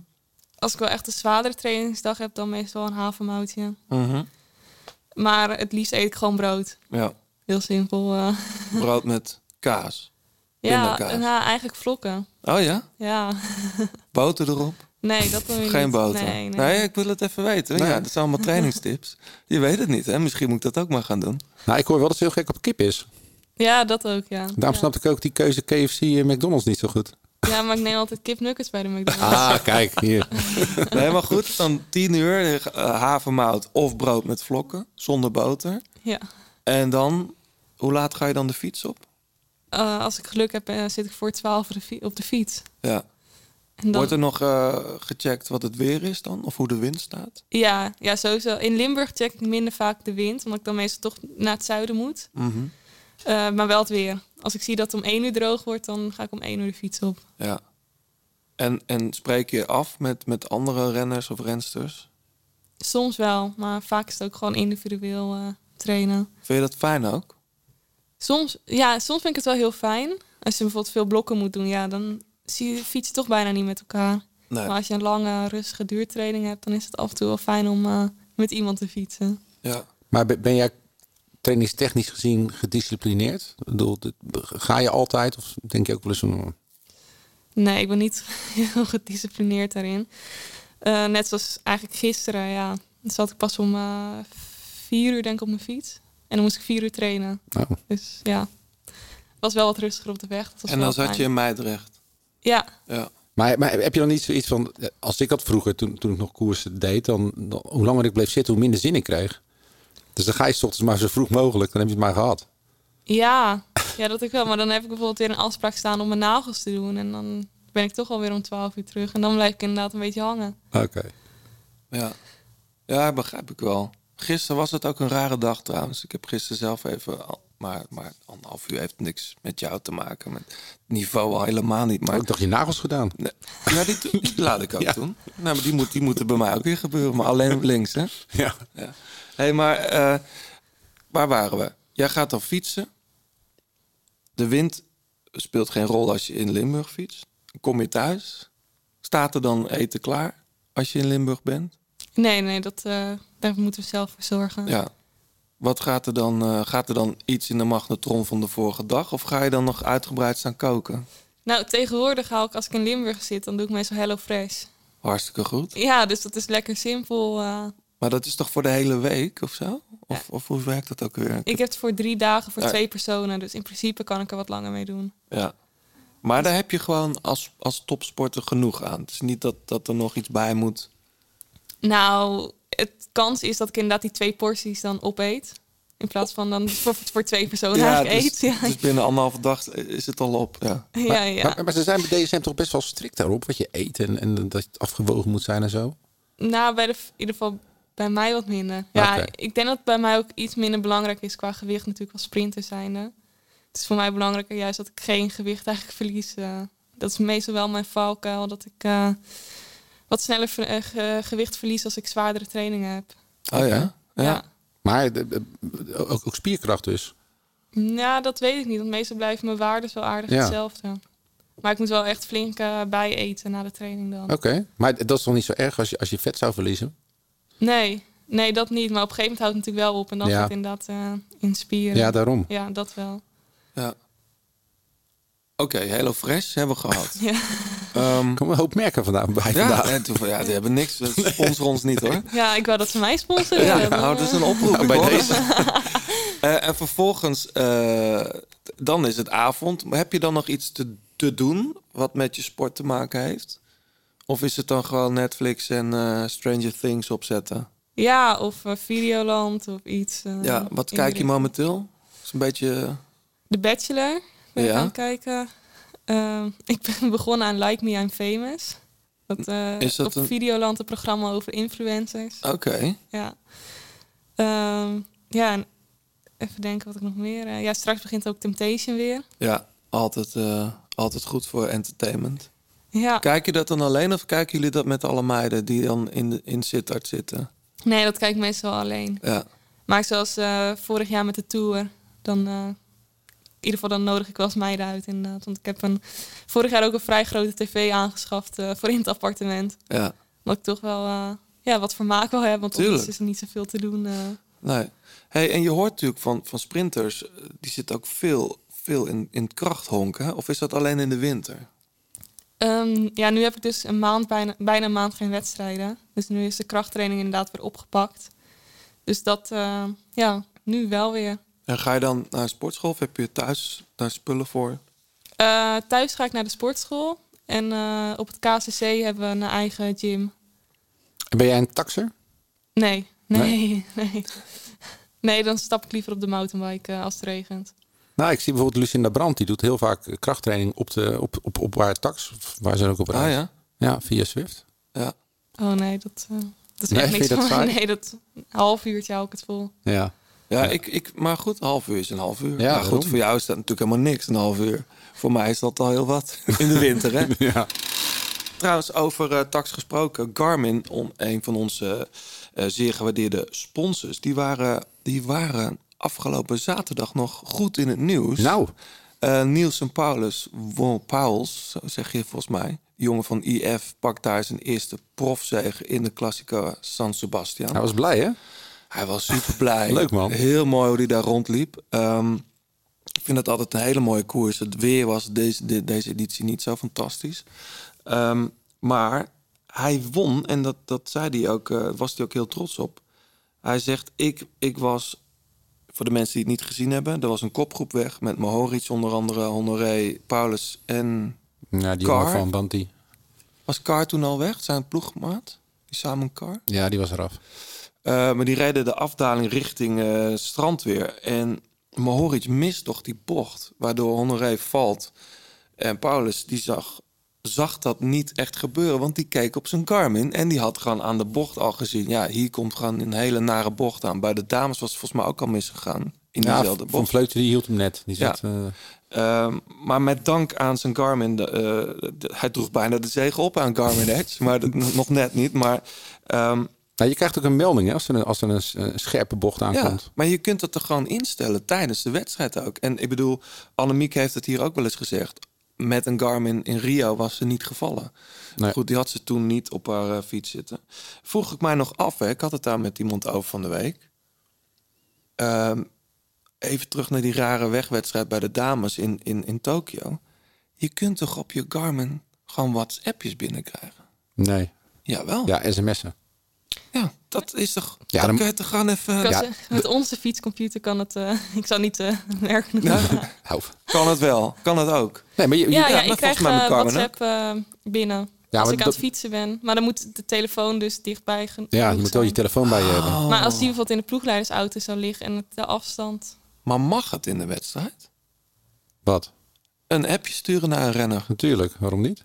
Dat weet ik niet. Dat hadden ze dan in Tokio toch hartstikke goed kunnen doen. Nou, er waren honderd andere dingen die ze ook hadden kunnen doen. Dus nee, het was niet, uh... maar dit is toch een heel... Als je, als je niet met oortjes mag rijden... Wat daar aan de hand was. Natuurlijk, dat is het groot probleem natuurlijk was ook... Het... Ja, maar die, die oortjes die bestaan niet sinds... Uh, die zijn nog helemaal niet zo heel lang, hè? Maar daarvoor werd ook gewoon gecommuniceerd met renners. Ik bedoel, Peter Post die uh, had ook geen Het oortjes is maar nodig. gewoon een tip. Ja, er okay. is een feature op de Garmin dat je gewoon WhatsAppjes kan heen en weer sturen. Wel heel grappig, want ik heb er nooit over nagedacht. Ik krijg ze wel inderdaad sms'jes kan je wel, krijg je wel binnen. En WhatsApp ook. Ja. Dus het, de, in principe, ja, ik, ik denk als je gewoon aan het fietsen bent, John, dat je er niet op zit te wachten. Nee. Uh, maar, maar in een wedstrijd kan ik me voorstellen. Hé, hey, er rijdt de Oostenrijkse nog op kop. Misschien ja, maar het zit in je, oor, in je oor te tetteren. Het komt op je scherm. Nee, er waren geen oortjes, John. Er waren... Nee, maar normaliter. Terug naar de Vuelta, Lorena. Als jij, um, ik weet niet, volg jij mannenwielrennen een beetje of volg je het echt op de voet? Ik volg het wel een beetje. Ja, ja met de toeren. Als veel dan... saaier dan de dames vaak, hè? Ja, ja, ik vind het ook wel weer mooier soms. Ja, waarom? Dat echt georganiseerd. Bij de dames is wat minder georganiseerd af en toe. Qua ploegen. Mm. En zeker met zo'n sprintetappe dat je al die treintjes naast elkaar ziet. Ja, ja. dat vind ik heel mooi. Daar ben je wel jaloers op eigenlijk. Ja, maar wij hebben ons eigen trein. Dus laat ons maar uh, gewoon ja. lekker ons ding doen. Ja, ja. ja voor het weten uh, rijden, er, rijden er straks uh, nog drie treinen naast je. Want het wordt natuurlijk steeds professioneler. En de ploegen worden ook in de breedte steeds sterker. Maar, ja. maar, maar trainen jullie er ook op? Op die terrein? Ja, we trainen er ook wel op. Um, al was het af en toe natuurlijk dit seizoen uh, het begin lastig, omdat we toen in Nederland natuurlijk niet in groepen mochten trainen. Dus ja, dan kan je eigenlijk bijna niet op een sprinttrein trainen. Op een gegeven moment mocht het dan weer op een afgesloten parcours. Ze hebben het toen op het eh, Tom Dumoulin Park gedaan. Ze hebben wel wat op getraind. Maar ja, een wedstrijd is het zo anders. En het is wel eh, leuk, want mijn laatste lead-out, eh, Susanne en Vijver, die trainen dan wel vaker samen. En dan trainen ze echt op die laatste twee eh, stukken. Maar is, is het voor jou heel belangrijk of kan je ook gewoon goed je eigen weg zoeken als ze er niet zouden zitten? Als ze er niet zouden zitten, kan ik ook wel mijn eigen weg eh, zoeken. Dat heb ik vaak ook bij Park Hotel gedaan. Of dat ik één iemand bij me had. Maar, maar ben je dan, ga je echt op intuïtie uit of pak je dan een concurrent waar je in de buurt blijft? Eh, vaak concurrent, maar dan als ik merk dat ik moet opschrijven, ja, dan doe ik dat ook. Ja. Dus het gaat een beetje automatisch. Ja. Nou, nu we het toch over sprinters hebben, laten we daar dan misschien eerst even naar gaan kijken. Want in de Vuelta zijn er echt meer sprintkansen dan, dan, eh, dan we de afgelopen jaren hebben kunnen tellen in één, eh, in één, eh, in één koers. Mhm. Ehm, Caleb Ewan start. Fabio Jacobsen start. Zijn eerste grote ronde weer. Ja, heel benieuwd. Ehm, Matthew start. De Maar, Arno de Maar start. Dat is in ieder geval wat er nu bekend is. Dat zijn ook wel meteen de grootste namen. Ik vind het toch jammer en misschien een beetje gek dat Dylan Groenewegen niet start. Maar die rijdt een heel ander programma dit najaar. Ehm, volgens mij was die oorspronkelijk eh, op, zou die opgesteld worden voor de Vuelta. En toen is de Giro er gekomen. Daar is die gestart. Dus, maar goed, ik, toch wel jammer met al deze sprintkansen. Nou, ik denk dat zij echt voor, voor het klassement gaan. En, eh, Uiteraard, en- ja, en het is, zeker zo, na het is die- zo'n zware Vuelta dat, dat Dylan daar op een paar ritten na niet zo heel veel te zoeken heeft. Op een gegeven moment. Nee, maar goed, het zijn toch vijf, vijf kansen of zo. Ja, maar we hebben deze dezelfde discussie gehad voor de Tour. En toen hebben we ook in onze Scorito ploeg volgeplompt met sprinters. Ja. En uiteindelijk lagen ze binnen vier dagen allemaal op de grond Nee, of dat waren is ze naar huis. Dus, eh, voor, je, voor je poeltje moet, je- is het altijd lastig, sprinters. Ja. ja en, en- maar goed, wie van die namen eh, kan jou bekoren, Lorena? Van, van, van Caleb Ewan, De Maar, Fabio Jacobsen? Ja, ik hoop natuurlijk hartstikke dat Fabio eh, Ja. wint in etappe. Ja, Het zou heel gaaf zijn. ja tuurlijk. Eh, ja. ja, dat gun je hem echt van harte. Hij is vorige week gevallen in uh, Volgens mij is hij wel weer op tijd in orde. Maar eh, hij is volgens mij ook niet, heeft niet uitgereden toen. Ehm, vind je het een mooie sprinter, Fabio Jacobsen? Ja, het is een hele verre sprinter. Ja, ik vind, ik vind hem ja, echt een hele mooie sprinter. En ja, de gunfactor is gewoon zo hoog bij hem. Hij won ook in Ede, hè? Ja, ja, Ja. ook ja. Maar, maar als, als jij nou een van die namen hoeft, hoeft niet een sprint te zijn die hier mee rijdt hoor. Maar welke sprint kun jij jezelf een beetje vergelijken qua stijl? Ja, dat vind ik wel lastig om te zeggen, eigenlijk. Misschien ook wel deels Fabio dan.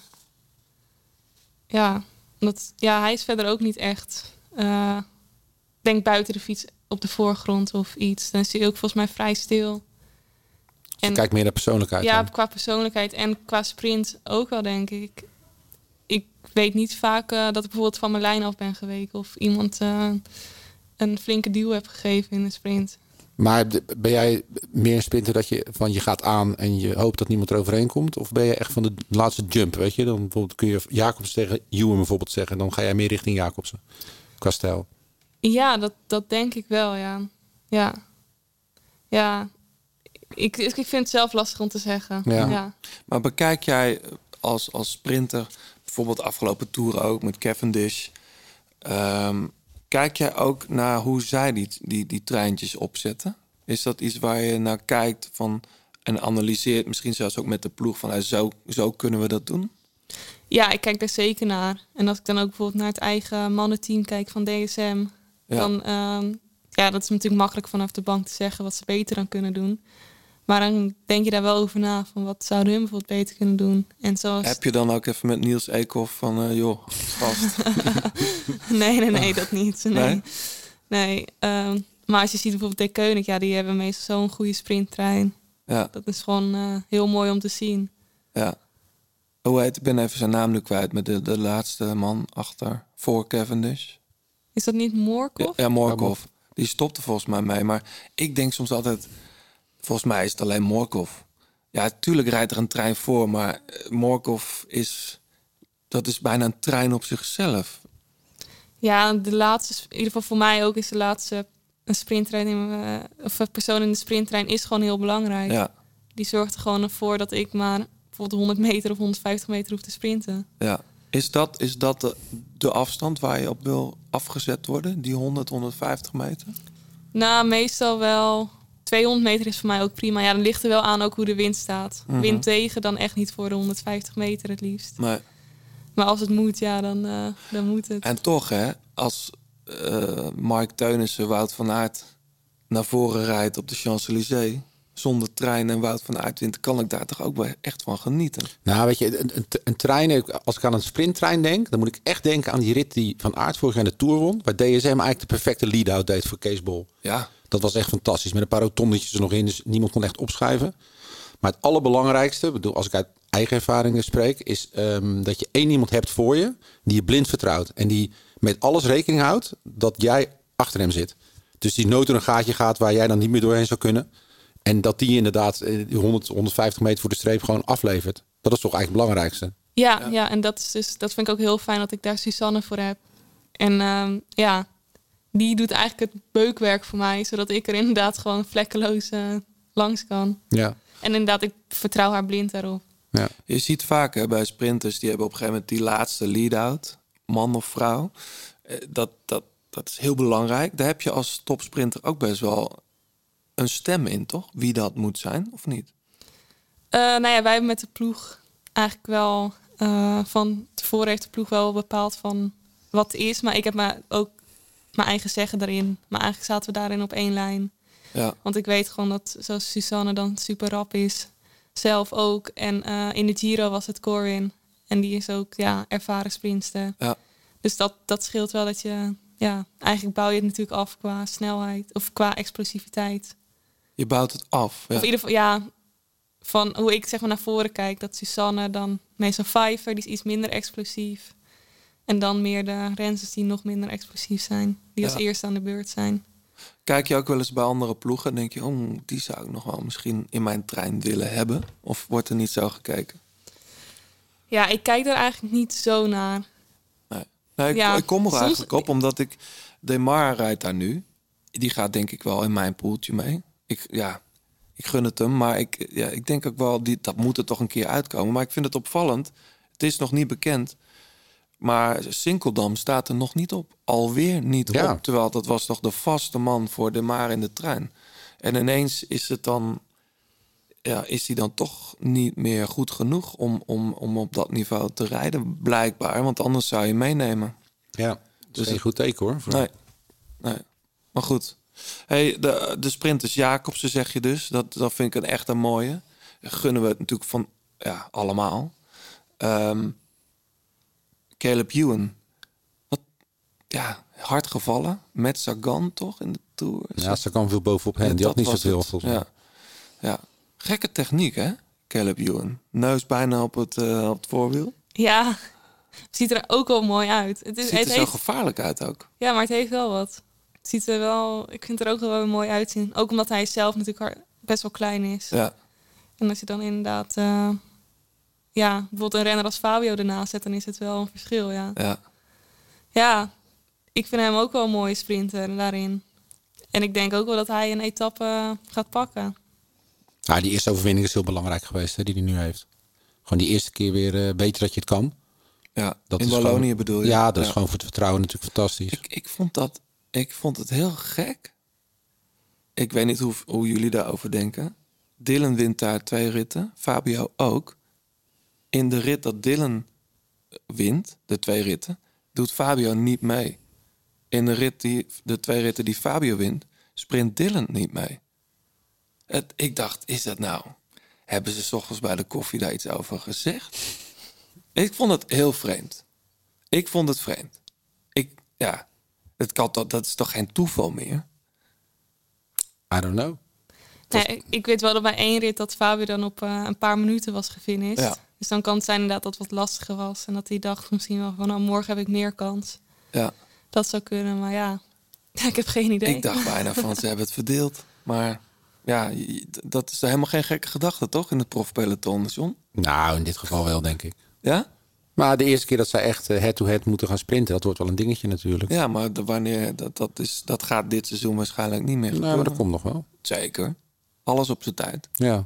Goed, ehm, de Vuelta dus. Ehm, ik heb eh, ook nog muziek meegenomen, jongens. Straks eventjes over de gaan we het over Bernal hebben. En over Roglic natuurlijk. Wie gaat deze Vuelta winnen?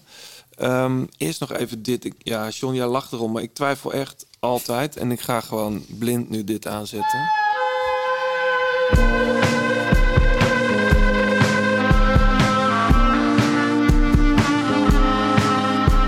Je luistert nog steeds naar De Grote Plaats. Alle liedjes in deze en vorige afleveringen luister je in zijn geheel terug in de playlist De Grote Plaats Songs op Spotify.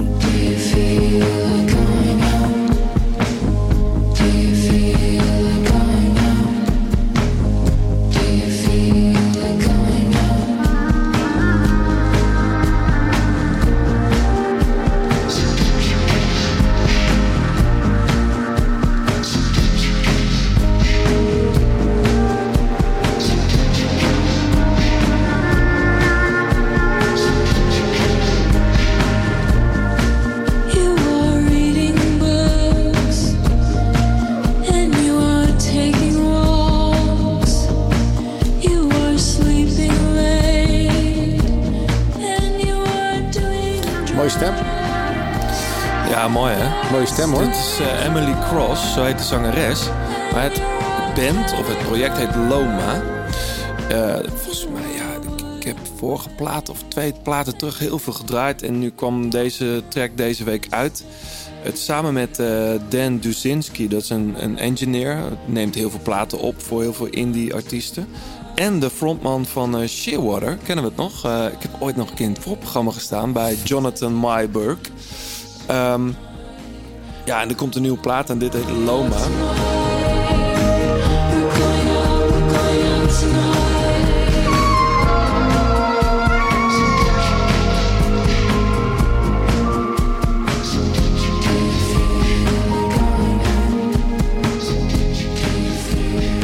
Mooi hè? Heel mooi. Er hoort ook wel wat Shearwater-achtige eh, vibes erin zitten.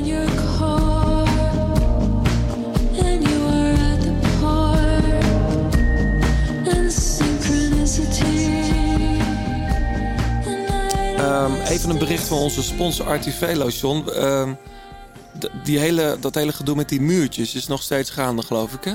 Ja, er wordt... Leg het eh, even uit. eh, Lorena weet het niet wat het is. Maar mensen kunnen hun muurtje insturen. Ehm, ja, nou ja, eh, Art- Artivelo, dat zijn dus bike docks. Waar je heel hip je fiets in je woonkamer kan hangen. Of in een andere mooie plek. En eh, wij vragen aan mensen van... joh, als je nou graag een bike dock wilt... en je hebt een mooie muur of juist een hele lelijke muur... die je wel wat verfraaiing kan, eh, kan gebruiken... maak er een foto van en deel die op onze socials met eh, Artivelo muur. En dan, eh, dan kun je dus een Artivelo winnen. Ja. En is er een winnaar? Zeker. Eh, het is een beetje een lang verhaal, dus ik zal proberen het een beetje samen te vatten. Hele grote muur. Ik zoek hem weer op. Eh, beste Johannes en John, sinds een paar jaar heb ik mijn eigen fotogallery Corri- Corridor, heel eh, kunstig geschreven, vlak aan het parcours van de Amstel Gold Race met foto's over wielrennen. Een eigen gallery is al jaren een droom van mij geweest en van mijn vrouw kreeg ik eindelijk toestemming om hiervoor de gang te gaan gebruiken. Vandaar, vandaar de naam Corridor. In die paar jaar heb ik wel geteld... Als een vrouw uit Corrie. Ja, denk, ja, denk het. Nou begrijp ik. In een paar jaar heb ik wel geteld één bezoeker mogen ontvangen... die eigenlijk alleen gebruik wilde maken van het toilet. Mijn trots is een foto van Laurens ten Dam... een dag na zijn val in de Tour de France van 2015 bij de start in Sereng. Als blikvanger van de gallery heb ik een omgebouwde rally padracer van mijn vrouw voor mijn verjaardag gekregen. Ze wilde zeker iets goeds maken. Ik heb daarvoor een geschikte muur... maar nu twee goedkope IKEA-afbeeldingen van een veer en een vink hangen. God, is inderdaad een lang verhaal. Boven de rosse stoeltjes van mijn vrouw. Nou, anyway, hij heeft dus een hele mooie muur. Heeft hij, en dan wil hij heel graag een Artivelo. En die foto van Laurensdam is ook heel mooi. Eh, dus, eh, nou ja, eh, Arjan eh, van den Oude Rijn, eh, waar dit bericht van is. neem even contact op met ons. En dan eh, mag jij een mooie Artivelo in je, in je museumpje hangen. In je galerie. Hartstikke goed. De Grote Plaat, laatste kilometer. Goed jongens, we zitten in de laatste kilometer, Lorena. En wat we in de laatste kilometer doen is altijd even vooruitblikken. Nou, voornamelijk naar de Vuelta natuurlijk. Wie gaat die Vuelta winnen? We mogen ook een, eh, een waardebon weggeven van 100 euro van het Shimano Service Center. En dat gaan we doen aan degene die gokt of raadt of weet... wie de eerste leider is in de rode trui. Eh, die is toch nog steeds rood, jongens? Ja. Ja. Of hebben ze weer iets anders verzonnen? Nou, laten we ervan uitgaan. De eer- eerste leiderstrui in de Vuelta, dus op die zaterdag, die proloog in, in Burgos. En we hebben nog een winnaar van vorige keer. Ja, en dat is... Dat is eh, Joris Rietijk. Eh, top, lekker veel muziek. Erik Corton, eh, fijn. Schrijf Wout van Aert maar op voor de tijdrit. Dat ging over de Olympische Spelen. Nee, nee, nee. De, de laatste tijd in de Tour. Oh, de laatste tijd in de Tour Zo lang zijn we al niet geweest. God, inderdaad. ja. Ja, die Shimano Service Center Waardebon komt dus naar... Ja, dan kun je je fietsen laten opknappen. Ook als je Campiolo, SRAM of wat dan ook hebt. Zeker. Goed, ehm, de Vuelta dan. De Ronde van Polen hebben we het niet over gehad. Arctic Tour of Norway hebben we het niet over gehad.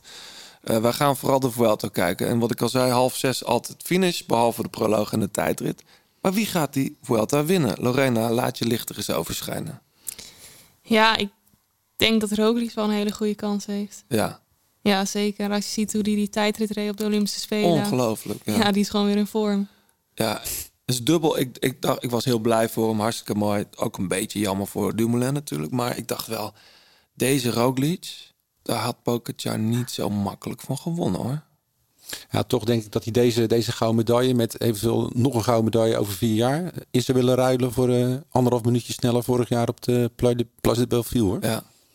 Ja, want het is natuurlijk, jij zei aan, aan de voorkant van deze show, eh, de Vuelta is een hoofdgerecht. Is natuurlijk ook zo. Ja. Toch voelt het altijd wel als de ronde waar, waarmee je je seizoen nog een beetje moet redden. Nou hoeft dat misschien niet met een gouden plak op de Spelen.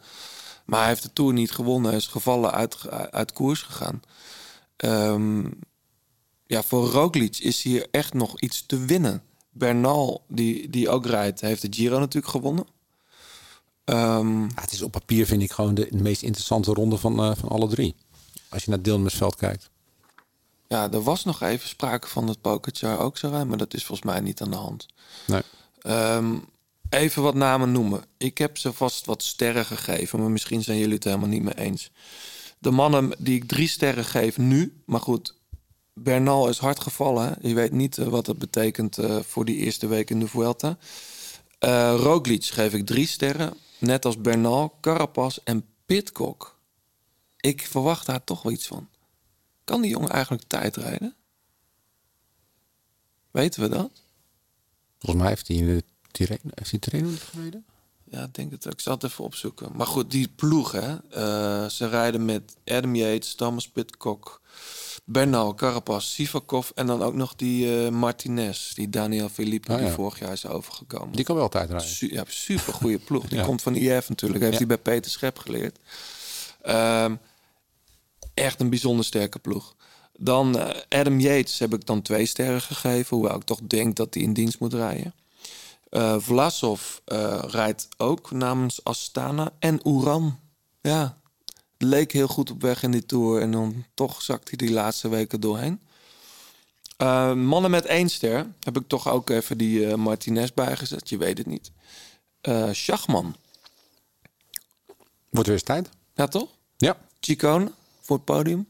Zou kunnen. En Chavez. Chavez. Ja, dat is altijd vrie, kan Fries en dooien met hem hè? Wordt gelinkt aan IF trouwens voor volgend jaar. Begrijp ik. Maar, ehm, en dan hebben we nog een paar jongens die we niet genoemd hebben. Maika, Potso Vivo.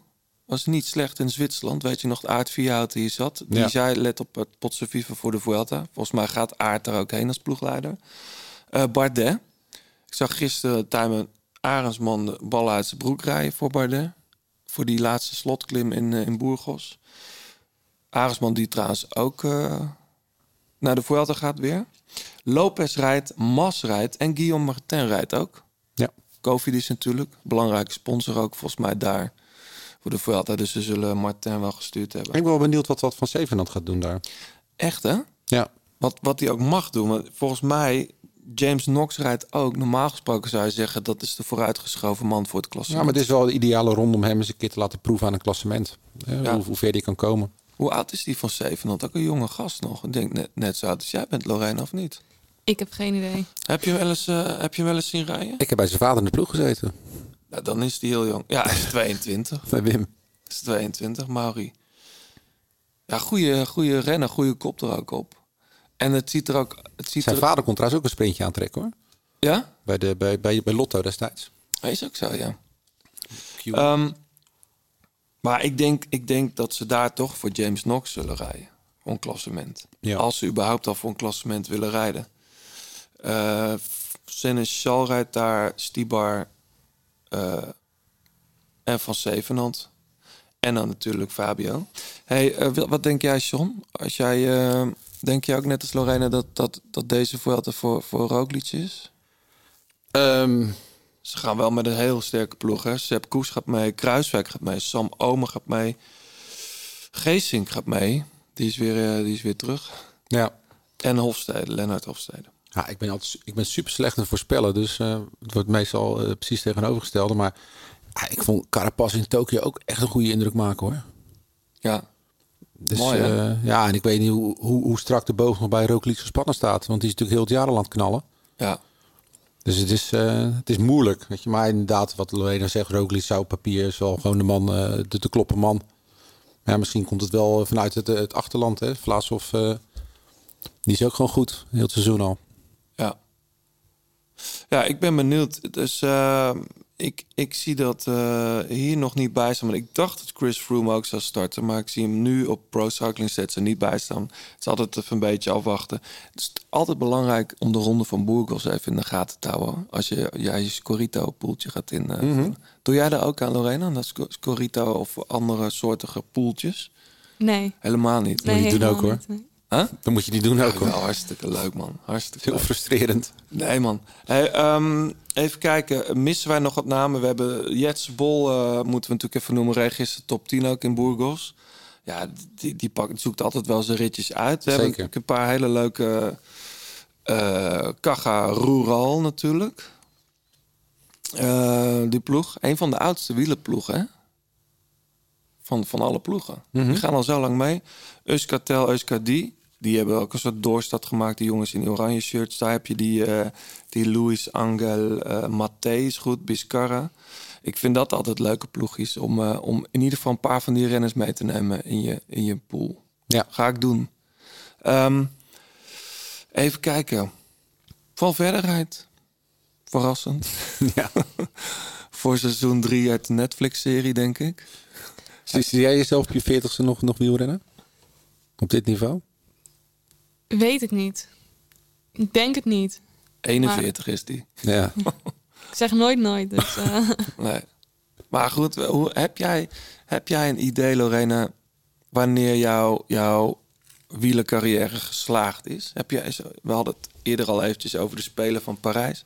Heb jij iets in je hoofd van dit en dat moet ik gehaald hebben of bereikt hebben? Nee, dat niet per se. Maar ja, het is altijd mooi om bijvoorbeeld wereldkampioen te worden. Mhm. Ja, Olympische Spelen te winnen. Ja, Ja, dat zijn wel mooie dingen. ja, Maar ja, dat- ik weet niet of het dan, als ik die twee dingen alleen zou hebben, dat het dan geslaagd is. nee. Waar ben je nu mee bezig? Want de, de CIMAC Ladies Tour heet het. Hoe heet het nu officieel? Volgens mij de CIMAC Ladies Tour. Maar Ja. dat, Dat was voorheen de Bulls eh, Ladies Tour. Ja. Eindelijk weer. Heeft twee jaar geduurd. ja, Is dat een van je hoofddoelen nu? ja, zeker. We staan ook weer met een heel sterk team aan de start. Echt een sprintersploeg. Ja. Dus ik hoop dat we daar eh, mooie dingen kunnen laten zien met de sprinttrein ook. ja. Zijn er veel sprints? Want ik zag... Ede is een tijdrit, daar begint het mee. Ja, eigenlijk een proloog. proloog is het. 2,3 kilometer dacht Ja. ik. En dan richting... Nou, zijn, dan, daar liggen sowieso twee of drie sprintkansen, denk ik toch? Ja, ja ik, in City of in Geleen, Zwijkhuizen, dat wordt gewoon een zware rit. Ja. Dat is natuurlijk een beetje ons eh, terrein eh, Ja. waar we natuurlijk dan verblijven. Maar wat ook wel weer mooi is. En ehm, ja, Arnhem, dat verwacht Ja, volgens mij is de finish ook op de postbank. Oh ja? Kon volgens ik mij stond er. Oh, wel een leuk. finish postbank. Maar dat weet ik niet 100% zeker. Maar in principe is, is dat... Dat moet jij wel kunnen. Het is niet dat het daar... Het is geen Limburg. Nee, het is geen Limburg. Het kan natuurlijk alsnog wel zwaar worden. Ja. Ik weet niet wie er precies allemaal meedoen. Maar Ja. is, is deze koers vorig jaar wel verreden of niet? Nee. Nee, nee. Welke etappekoers is vorig jaar wel doorgegaan in Nederland dan? Er was eentje waar jij zo hard viel. Ja, in, in, in Drenthe. Nee, dat was dit jaar. eh. Was dat dit jaar? ja, Ja, de, Was het op het... de eh, Healthy Agent. toen viel jij toch zo hard? Ja, wat, ja. wat gebeurde er nou precies? Dat was toch op het circuit daar? Ja, dat is circuit. Dat is Ja, ik zat iets te dicht eh, bij het achterwiel. En ik wou net mijn sprint beginnen. En eh, het was die, of die soort van bocht. En de renster voor me komt eigenlijk net iets meer naar links toe, waardoor ik het wiel aantik. Ja, want er was eentje die reed heel lang voorop, toch? Die, eh, die pakten jullie net terug de laatste 500 meter. Ja, dat ook, ja. Ja. Won Jolien Doren niet die rit? Of? Ja, volgens mij wel, ja. Oké. Hey, wat, wat is jouw weg nu richting, eh, richting die Ladies Tour? Veel trainen. Ja? ja. ja, wat trainingskoersjes rijden. Ja, je gaat vanavond naar Sloten, hè? Ja, sloten. Ga je dan proberen al die mannen ook erop te leggen? Of een sputten? Of doe je niet mee? Ja, ik sprint meestal wel mee. Dat, dat vind ik gewoon leuk om te doen. Krijg je dan gekke blikken? Nee, nee, dat valt wel mee. Nee, want eh, ik ben echt niet de snelste daar. eh. Nee? nee? Nee, nee, zeker niet. Nee, en zeker niet omdat ik eh, aardig wat zone 3, zone 4 moet rijden tijdens de wedstrijd. Dus eh, Leg even uit voor de mensen die dat niet weten. Zone, zone 3, zone 4. dat is eh, vrij hard fietsen. Dat is wel Ja. aardig op je limiet Dat is de opdracht van je trainer eigenlijk voor Ja. vanavond. Ja, ja. Dus je gaat meezitten. ja, ik moet op, eh, op kop rijden. Oké. Ja. Hey, iets anders. 2 oktober, staat dat in je agenda? ja, Staat zeker in je agenda, maar wat staat er in je agenda op 2 oktober? ja Parijs-Roubaix natuurlijk. Ja? Rood omcirkeld? Nou, ja, dat niet per se. Maar ik hoop wel dat oktober over het algemeen een goede maand voor mij gaat worden.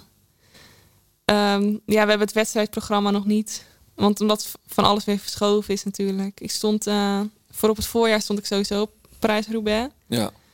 Nu weet ik dat niet 100% zeker. Ja, Pro Cycling Stats zegt van wel. Dus dan is het toch wel... nee, alleen eh, bij, bij DSM staan, eh, sta jij en Floortje staan erbij. En verder, eh, ja, het is natuurlijk nog even ver weg. Je weet niet wat er allemaal nog gaat gebeuren. Maar Nee. zou het iets voor je kunnen zijn? Ik hoop het wel. Ik heb het twee keer verkend nu. Ik vond het wel leuk. Ja? Weet je, door die bocht ook op de kasseien. Ja? Ja, in de wedstrijd is het altijd weer anders. Dan is het natuurlijk veel zwaarder. Mhm. Maar eh, ik vond het wel... eh, ja, het lijkt me leuk om daar aan de start te staan. Ja, de liggen kasseien goed? Ehm, ja, over het algemeen wel, ja. Maar ja, eh, Roubaix is natuurlijk zoiets anders. En het is gewoon, ja... Het is gewoon heel zwaar. Ik Maar wel iconisch een eerste editie voor vrouwen. Dat zou ook tof zijn om die eh, op je naam te schrijven. Ja, tuurlijk. Dat is, eh, zou super mooi zijn. Maar We ja, zullen er meer over denken. ja. Goed, eh John, we willen nog wat mensen bedanken. Volgende week niet, maar die week daarop zit hier Laurens ten Dam. Ja. We gaan met z'n allen voor de buis zitten Vuelta natuurlijk kijken. En Laurens die heeft daar natuurlijk ook mooie verhalen over. Dus Laurens Zeker. is hier te gast. Ehm, dan zijn we er weer en eh, we gaan nog wat mensen bedanken. Lorena, nogmaals bedankt. Eh, moest jij niet wat lunchen, John? Je had, ja. Ja, we hebben lekkere broodjes meegenomen. we krijgen van jouw manager te horen dat jij nu moest, nu moest lunchen. Of is dat al een uur geleden? Nou ja, hij wil het beste voor me hebben, dus... eh, Zo is dat. Maar nu Ja. moet dat nu? nee, Nou, niet per se. Het, het ligt in de koelkast. We gaan ze straks lekker opeten. Ja, jongens, we gaan eh, Fleur Wallenburg bedanken eh, voor het uitlenen van haar prachtige stem. 36 Cycling voor de fietskleding die je hier kunt winnen. Pankra voor het logo van de grote plaat. En eh, jullie natuurlijk voor Ja. het luisteren. En onze zeer gewaardeerde sponsors Garmin en Tax. Jazeker. En wil je in de show komen? Laat even een reactie achter op Apple Podcast of op Twitter, de grote plaat. En dan haal je misschien de podcast. Dus tot zover. Tot de volgende. Tot de volgende keer.